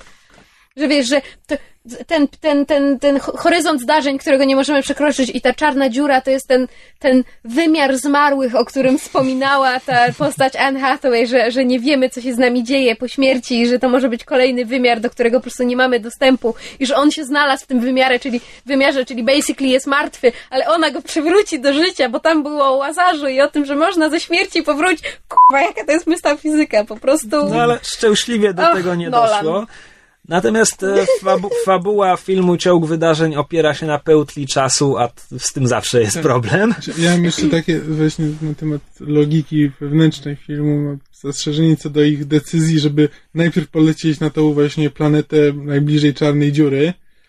Znaczy, po pierwsze, czy tworzenie potencjalnej cywilizacji na planecie blisko czarnej dziury, to czy to jest, e, jeśli oni mają za zadanie właśnie w, w dalekiej perspektywie stworzyć cywilizację, to czy na pewno powinni to robić na planecie, która jest przy czarnej dziurze? I jest teoretycznie powoli przez nią wsysana, bo ja tak zrozumiałam, że ona się powoli do niej zbliża i niedługo do niej wleci. No, jakby czarna Ale dziura niedługo taką... w skali kosmicznej to No, mogą to- to- być nawet miliardy lat. Nie to- no, No ale dobra, y, tak czy inaczej... Nie Sam fakt, że czasem inaczej płynie, to też jest. To, to jest jedno moje zastrzeżenie, ale okej, być może rzeczywiście to nie jest, nie jest aż tak e, bezpośrednie zagrożenie. No ale z drugiej strony, jeśli oni wiedzą, że no przynajmniej muszą tam spędzić na tej planecie godzinę, no bo samo wlecenie w atmosferę, wylądowanie, sprawdzenie, wrócenie, to, to jest przynajmniej godzina, to jest jakieś 7 lat, a oni to przeciwstawiają temu, że nie, powinni tutaj polecieć najpierw, bo polecenie na tą drugą planetę będzie ich kosztować dwa lata. E, no to jakby nie- zgadza, nie zgadza mi się matematyka. Znaczy tam tutaj. jeszcze chodziło o kwestię paliwa i tam zasobów i coś jeszcze. Znaczy, no, pewnie tak, ale Znaczy ja się jakby zgadzam, do mnie przemawia pierwszy argument pod tytułem planeta blisko czarnej dziury nie jest najmądrzejszym pomysłem. no tak, Abstrahując no to- od tej kwestii tego, że oni powinni wiedzieć, że ten na- sygnał z nadajnika pochodzi sprzed paru minut, jakby naukowo tak, powinni już do tego dojść. Jakby też, in- to wiadomo, że e, może im się uda w godzinę, ale nigdy nie wiadomo, różne rzeczy mogą się spieprzyć i jak, jeśli Jak chociażby tak, widzieliśmy. jeśli będą, i tak cudem im się udało tam spędzić trzy godziny, bo tak naprawdę no to mogliby tam równie dobrze spędzić i, wiesz, i dziesięć, no. Tak, zwłaszcza, że A ten propos, a robot... propos spełzania gdzieś trzech godzin, e, nie wiem jak wy, ale ja zdecydowanie czułem, ile trwa ten film. Tak, pod To, koniec to, nie, już to tak. nie jest tak, że on mnie wciągnął i to mi w ogóle nie wiem, gdzie to wszystko poszło. Ja On pod mi się koniec tylko. Nie, ja, Znaczy, ja- przez, ja też miałam pierwsze, przez pierwsze dwie trzecie w ogóle nie miałem takie... Czy miałem na samym początku, początek mnie nudził, mm, potem, się, potem mnie wciągnął, po jakiejś, nie wiem, pół godziny może, czy coś takiego.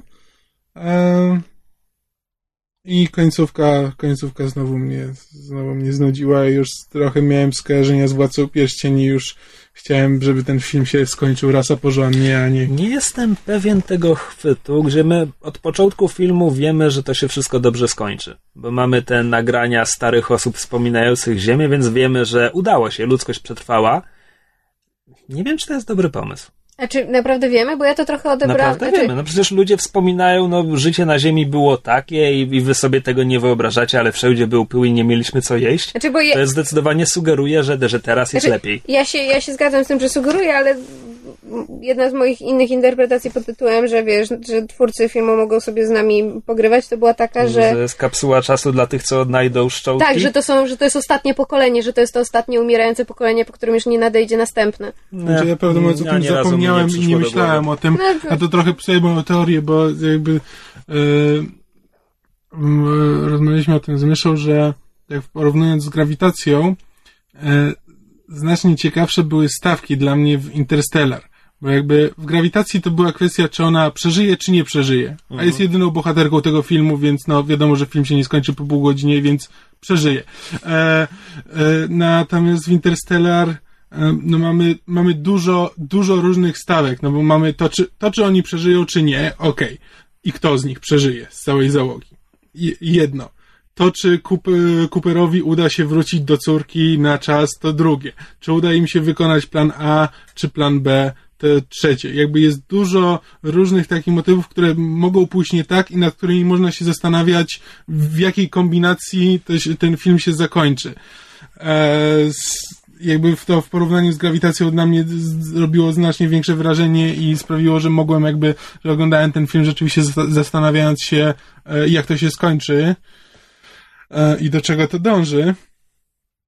E, Natomiast rzeczywiście, jak tak teraz myślę o tym, mówię, zapomniałem o tych scenach, że to na początku były te sceny. I to jakby E. one są tam wplatane przynajmniej przez...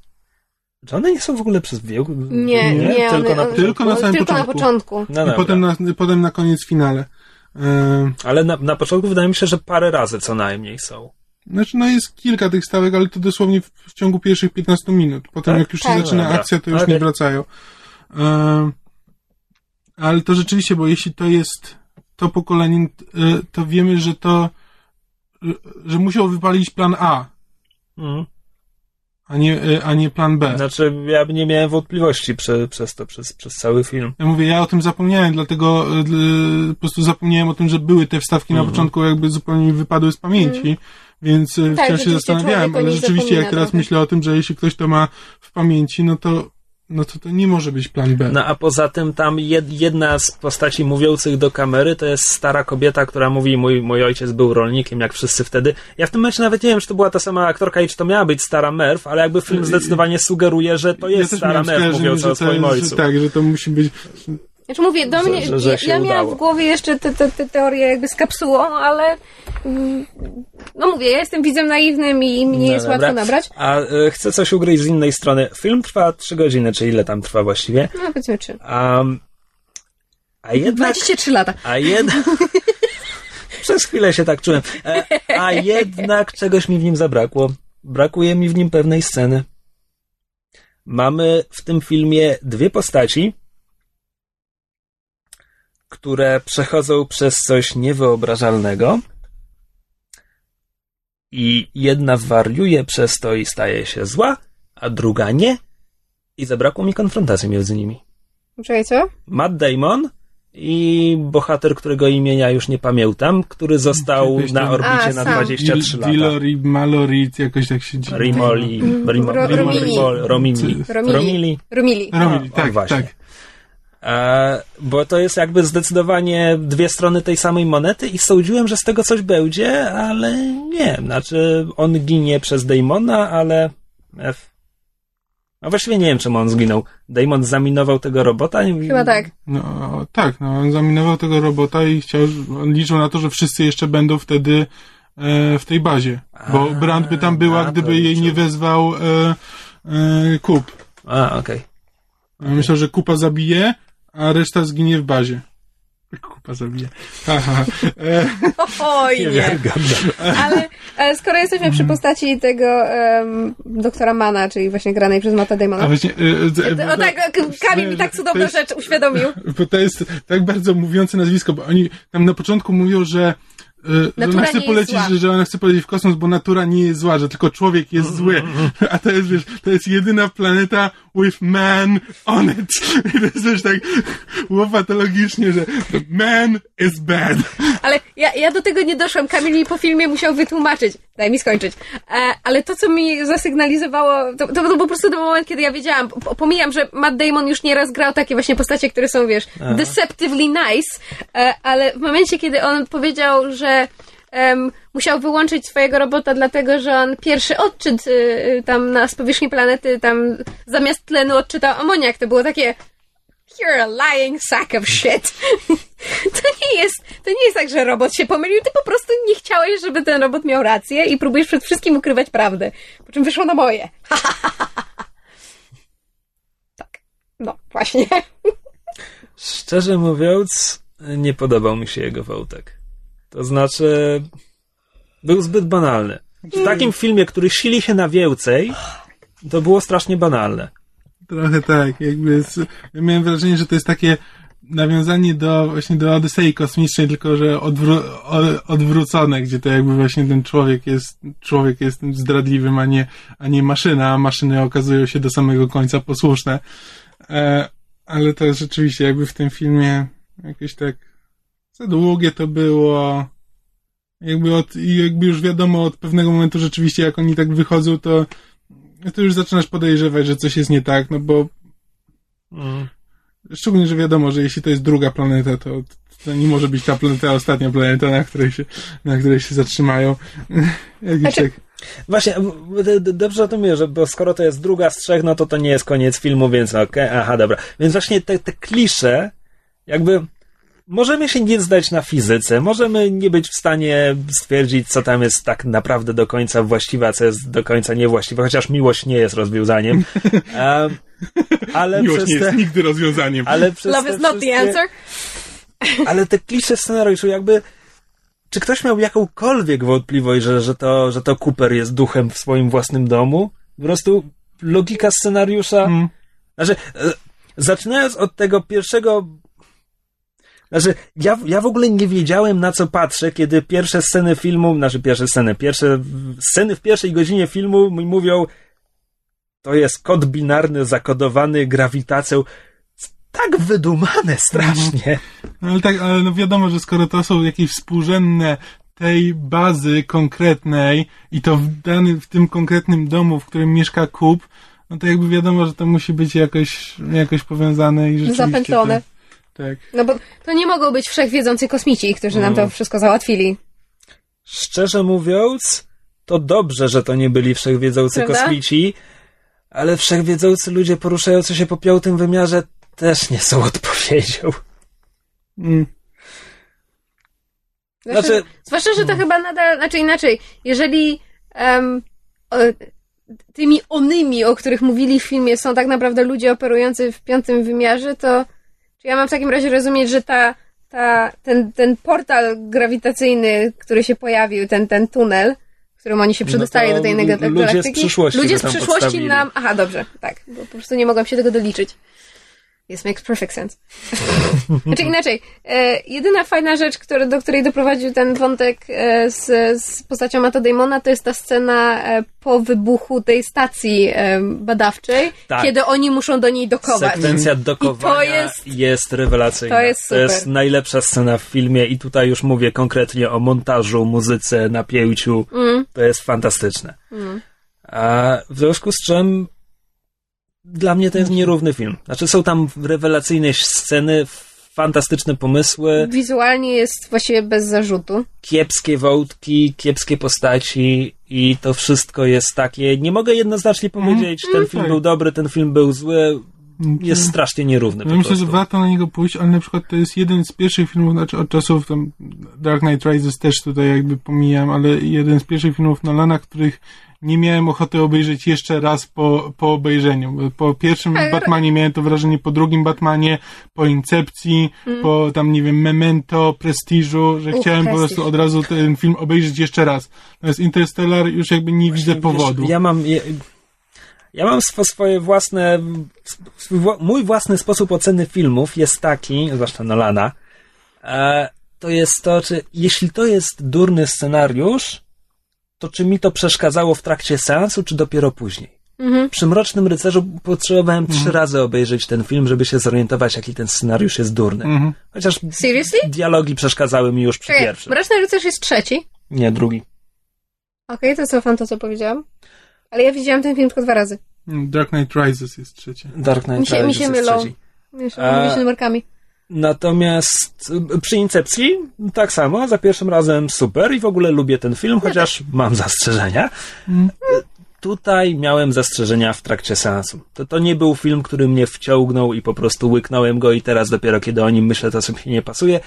To był film, w którym rzeczy mi nie pasowały w trakcie. Znaczy, ja też tak miałam, ale jakby mówię, byłam w stanie przymknąć oko i wciągnąć się w tę kwestię emocjonalną, ale mówię, ja jestem, no mnie jest łatwo wzruszyć. Jest też jakby sporo rzeczy, których wiesz, yy, w trakcie seansu, że jakby mi przeszkadzały, po czym stwierdzałem, że okej, dobra, jestem w stanie to przełknąć, ale jakby już w tym momencie wybijały mnie z tego oglądania, że to nie było tak, że wiesz, że naturalnie przychodziły kolejne rzeczy i ja, i ja to łykam, tylko muszę sobie muszę przejść ten proces myślowy, w którym się godzę z tym, że ten film w ten sposób operuje tam pewnymi wątkami, no. I, i okej, dobra, i, i stwierdzam, że dobra, nie będę się tego czepiał, niech będzie, może to nawet jest fajne, ale wiesz, ale to mnie od razu, od razu wybija z tego filmu, e, z filmu i to nie jest tak, że po prostu siedzę i przyjmuję to, co mi reżyser pokazuje, tylko no muszę, muszę się z tym pogodzić. Mm. No ja podtrzymuję, że Nolan jest zdolnym reżyserem, średnim z tendencją do słabym e, scenarzystą i beznadziejnym dialogistą. To Mm. znaczy, zwłaszcza, Czy- zwłaszcza kiedy dialogi schodzą na metafizykę. Bo Mm. przepraszam bardzo, uwielbiam Mrocznego Rycerza, ale kiedy Batman i Joker zaczynają rozmawiać o duszy Gotham i o tym, co oni sobie udowodnili, to jest żenada.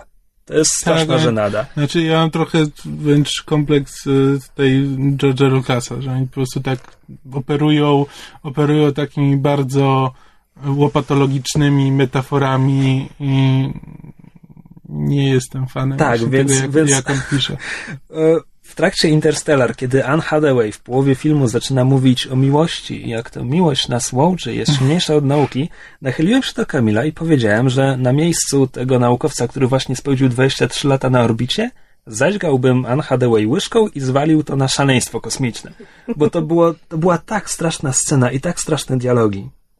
Mi To też znaczy- to nie podobało. Mysz jest chyba innego zdania, ale ten... Nie, mysz jest strasznie łatwo wzruszyć. Nie no, bo Anne Hathaway ładnie wygląda ze łzami w oczach i w ogóle, ale to nie zmienia tego, że to, co wtedy wypowiadała, to Oj. był bełkot. Cicho, ja jestem romantykiem. No ja gdzieś tam pod skorupą cynizmu lubię myśleć, że też, ale, No. to, był, ale to był bełkot. Ja ci mogę od razu powiedzieć, że no. Wzruszyłem się, kiedy Kup się żegnał z umierającą córką. To było ładne. Ja się, ja się wzruszyłem, kiedy on oglądał te, Tak, e, to wideo od Też. córki. Bardzo I jego, re, i jego reakcje, to, to jest jakby naj, najlepsza jego e, najlepsza jego scena w tym filmie Mm. i to rzeczywiście e, jego, jego twarz w tym momencie naprawdę to było, to było wzruszające i poruszające. Mm. Znaczy inaczej, ja sobie nie wyobrażam zagrania tej sceny więcej niż raz. To jest po prostu... A podejrzewam, że przynajmniej dwa, trzy razy musiał ją zagrać.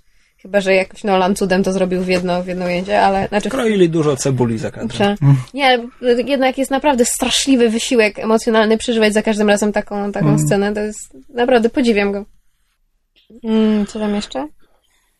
Znaczy, no, nie wiem, no podsumowując też chyba tylko, no, ja uważam, że to jest film, który rzeczywiście warto obejrzeć. Trochę szkoda, że jakby z tego hard science fiction tak nie bardzo, nie, nie bardzo wie, jak wybrnąć i tam momentami chce być metafizyczny, ale nie bardzo wie, jak to zrobić. E, wolałbym mimo wszystko, gdyby się skupił trochę bardziej na nauce i jakby element elementem emocjonalnym mogłaby być relacja Kupa i jego córki.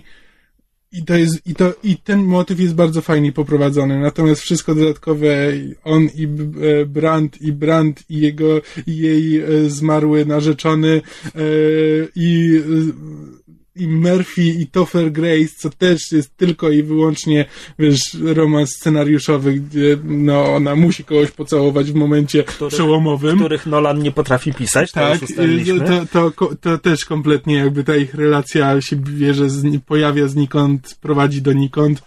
E, i też nie wraca w, Prowadzi na do koniec. mnóstwa dzieci, jak nam No właśnie. pokazał. No, ale tak. e, I za, dużo, za dużo tych grzybów w tym, e, w tym barszu. Tych grzybów? Tych grzybów w tym barszu. E, ale jest to naprawdę imponujący film i przynajmniej pokazuje coś innego niż zazwyczaj w kwestii science fiction. I to mu się chwali, jakby choćby Znaczy, dlatego przede, warto obejrzeć. Przede wszystkim to faktycznie jest to science fiction z tej szkoły, gdzie film próbuje ci coś powiedzieć, Mhm. a nie jest tylko dekoracją dla wybuchów. Tak. Mhm. E, I to jest Tak, bardzo, jest- ba, bardzo miła odmiana, biorąc pod uwagę, że to jest wysokobudżetowa hollywoodzka produkcja. Tak, jest- Bo w kategorii wysokobudżetowych hollywoodzkich produkcji to takiego science fiction nie było od nie wiem kiedy. Dokładnie, bo jest, jest prawdziwa nauka i mimo wszystko tam jakieś prawdziwe emocje e, i czemuś to służy, jakby opowiada jakąś ważniejszą historię i porusza ważniejsze motywy, a nie tylko jest właśnie takim space fantasy, żeby tylko jakąś tam przygodę pokazać. Typu Armageddon. Tak, albo, albo nawet Star Trek, no, czy, czy te nowe Star Treki Abramsa, gdzie one jakby, no, to jest science fiction, ale tylko i wyłącznie przygodowe. E, a tutaj jakby rzeczywiście jest taki science fiction w tym starym stylu, w którym rzeczywiście jakby za tym kryje się jakieś przesłanie i jakaś, e, jakaś analogia. No i tak, Analogia no, jest taka, basically we're fucked.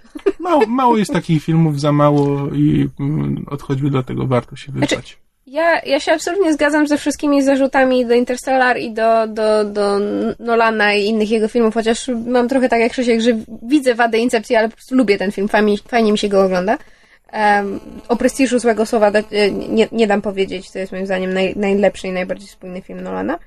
E, ale to wczoraj mówiłam Kamilowi, że Nolan jest w moich oczach, on jest może nie jest najlepszym reżyserem, na pewno nie jest najlepszym scenarzystą. Jego brat jest, jego brat jest o wiele lepszym scenarzystą, a to i bywa dyskusyjne. E, ale Nolan jest takim bardzo. Jak jest po polsku? Inventive.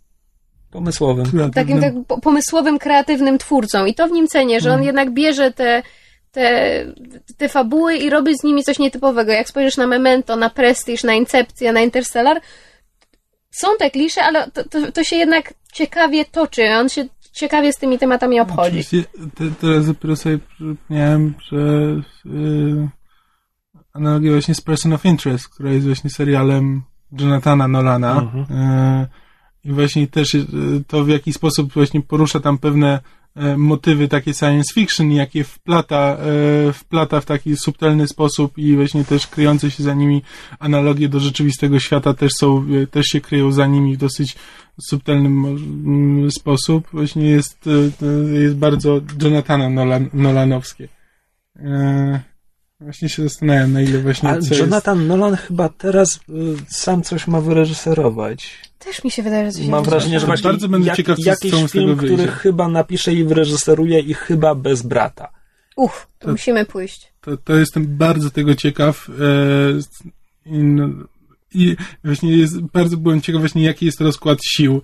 Bo ja by, byłem, po pierwszym Batmanie byłem przekonany, że no to Christopher Nolan jest tym e, głównym e, motorem napędowym, a Jonathan Nolan to jest tak jak... E, Czy ja się mylę, ale czy Prestige mm. zrobił scenariusz? Napisał tylko Jonathan. Że- nie wiem, że ale której, której z nas tylko- może uruchomić jedną z tych magicznych maszynek, które wszyscy mamy w kieszeniach. To ty, Kamil, mów, bo ja ci przerwałam, ja sprawdzę. nie byłem pewien, na ile, e, jaki jest rozkład sił w tym duecie e, właśnie Jonathan Nolan i Christopher Nolan, bo po pierwszym Batmanie byłem przekonany, że to Christopher Nolan jest tym geniuszem, a Jonathan Nolan to jest tak jak, nie wiem, Zack Whedon, czy nie pamiętam jak się nazywa trzeci z Whedonów. Jet albo Jet. Jet, tak, to, że to jest taki Jet Whedon, że po prostu no, jest tam i pewnie w jakiś sposób się przykłada i e, wspiera brata, jakby jest taką dobrą odskocznią dla jego Śpiewa pomysłów. E, ale że to właśnie, ale że to Christopher Nolan jest odpowiedzialny za, za sukces tych filmów. A tak właśnie patrząc na Person of Interest, patrząc na trzeciego Batmana, e, to tak zaczynam mieć wątpliwości i bardzo byłbym ciekaw właśnie jakby wyglądał film z samego Jonathana Nolana. No dobra, Będę dobra, czekaj, zobaczyć. ale A czy, nie, obaj robili. Nie. a czy Jonathan Nolan też robił coś przy trzecim Batmanie? Też jest dobre pytanie. Bo może, może też nie spieszmy się, żeby go tak idealizować. Czekaj, mam otwartą Nie, nie, nie, pewnie też, bo oni chyba wszystko razem robią. U, jaki on jest przystojny. Tak? Całkiem. No, w porównaniu ze swoim bratem? No, czyli, czyli drugi, trzeci Batman. A, czyli Jonathan nic, nie, nic przy Batman Begins nie robił. Mm. Mm, No i tak, proszę na tu jego. myśleć. E, Westworld, upcoming pilot. Director, co-writer and exe- executive producer. Czy to ma być serial będący remake'iem tego science fiction westernu z Julem Brunnerem? Chyba tak, bo gra w tym... Tak, to jest to, co czytałam. Anthony Hopkins, James Marsden, Evan Rachel Wood, Jeffrey Wright, Andy Newton, Miranda Otto, Rodrigo Santoro, Ed Harris, Shannon Woodward. Czy Ed, Ed Harris będzie grał złego robota, tak jak Jul Brunner w oryginale? Już ci mówię? Widzieliście w ogóle oryginalny Westworld? Nie, ale coś mi to mówi. A To jest To nie Jurassic jest- Park, tylko że z rob, robotami kowbojami. mniej Ed, więcej. Ed Harris as the man in black, a mysterious No to villain. tak, no to... To jest robot? Spoiler. Oh shit. Nie no, e, w oryginalnym Westworldzie wiesz od początku, że e, Westworld to jest taki właśnie park rozrywki z robotami, e, które odtwarzają jakieś różne historyczne okresy i one zrobią wszystko, co tylko chce klient. Więc jeśli klient chce poudawać kowboja, no to idzie właśnie do tego Westworldu. Jeśli chce poudawać króla Artura, to idzie do innej części. I oczywiście dochodzi do spięcia czy coś tam i roboty obracają się przeciwko ludziom, którzy akurat są w parku rozrywki. I Jul Brunner gra e, kowboja w czerni, który jest niepowstrzymanym terminatorem, mordercą i E, jest w, tym, w tej napisane- roli wybitny. Napisane przez Jonathana Nolana i Lisę Joy, oparte o filmie o tym samym tytule, em, napisanym i wyreżyserowanym przez Michaela Crichtona. To wiele tłumaczy, dlatego przypomina Parker, Mm. Park Tak, no Michael napisał Em, dwa razy tę samą historię. Nolan tylko będzie executive producer e, along with Joy, J.J. Abrams, Awesome. Jerry Weintraub, bla bla bla. A skoro jesteśmy przy Julu Brunnerze, bo teraz ten... E, Bo zboczyłeś. Wszyscy, wszyscy stwierdzili, wszyscy stwierdzili po, po X-Menach Singera, że e, Patrick Stewart urodził się, żeby grać profesora Xaviera, prawda? Ale oryginalny komiksowy Xavier, jego wygląd, był wzorowany na Julu Brunnerze właśnie. Brunnerze? To nie jest Jul Bremner? Ach, cokolwiek. Whatever. Wiesz o czym mowa. Ilu aktorów nazywa się Jul przez Y? A nie, to jest Jul Brynner. Przez Y. Jeszcze gorzej. No, rzeczywiście, to, teraz widzę. No dobra, to skoro zeszło na Brynera, to chyba wyczerpaliśmy Interstellar. E, tak. Interbrynner. I basically em, jak najbardziej można się do kina Znaczy, wybrać. to jest wartościowy film Tak. i, Na pewno. i Trzeba się przekonać samemu, no. Cze- Czekaj, bo ja się ut, utknę, się. utknęło mi to w gardle, bo zacząłem mówić, że nawet, że to nawet nie jest film, który warto, ale chyba nawet trzeba. Tak, nie, te, Powiedziałbym, że to jest ważny jest, znaczy, film. to, to, to, tam jest tak dużo różnych wątków, że no na pewno część z nich będzie, nie będzie każdemu odpowiadała. E, No umówmy ale- się, na trzy godziny filmu przynajmniej Tak. godzina, jeśli nie półtorej, jest co najwyżej średnie, ale resztę warto znać. tak, naprawdę, naprawdę uważam, że to tak, to będzie, to będzie ważny film i, e, i cieszę się, że powstał, bo tak jak mówię, mało tego typu science fiction powstaje i może, może to coś zapoczątkuje. No to tyle w tym tygodniu. Słyszymy się za kolejny tydzień. No, trzymajcie kciuki, żeby. Aha, chyba, że ja się rozłożę znowu albo coś. No Właśnie, kto to będzie guziki naciskał, jeśli ty się pochorujesz? Na tobie wszystko się opiera. Jest. E, a w międzyczasie, no to jak zwykle możecie komentować na myszmasz.pl albo wysyłać nam maile na myszmaszpodcast.gmail.com albo pytać nas na Asku. Albo zaczepiać na ulicy. Tak. Albo przychodzić pod nasz dom z magnetofonem. E, I grać piosenki Petera Gabriela. Przynieście ciasteczka. obserwować nas przez teleskop, jak siedzimy w łazience. czytać przez ramię. w tramwaju. Ojej. Nie, już Nie, w myśli w łazience. łazience. No come on. E, no, więc tak jest. Przynajmniej trzy, trzy z tych rzeczy rzeczywiście polecamy.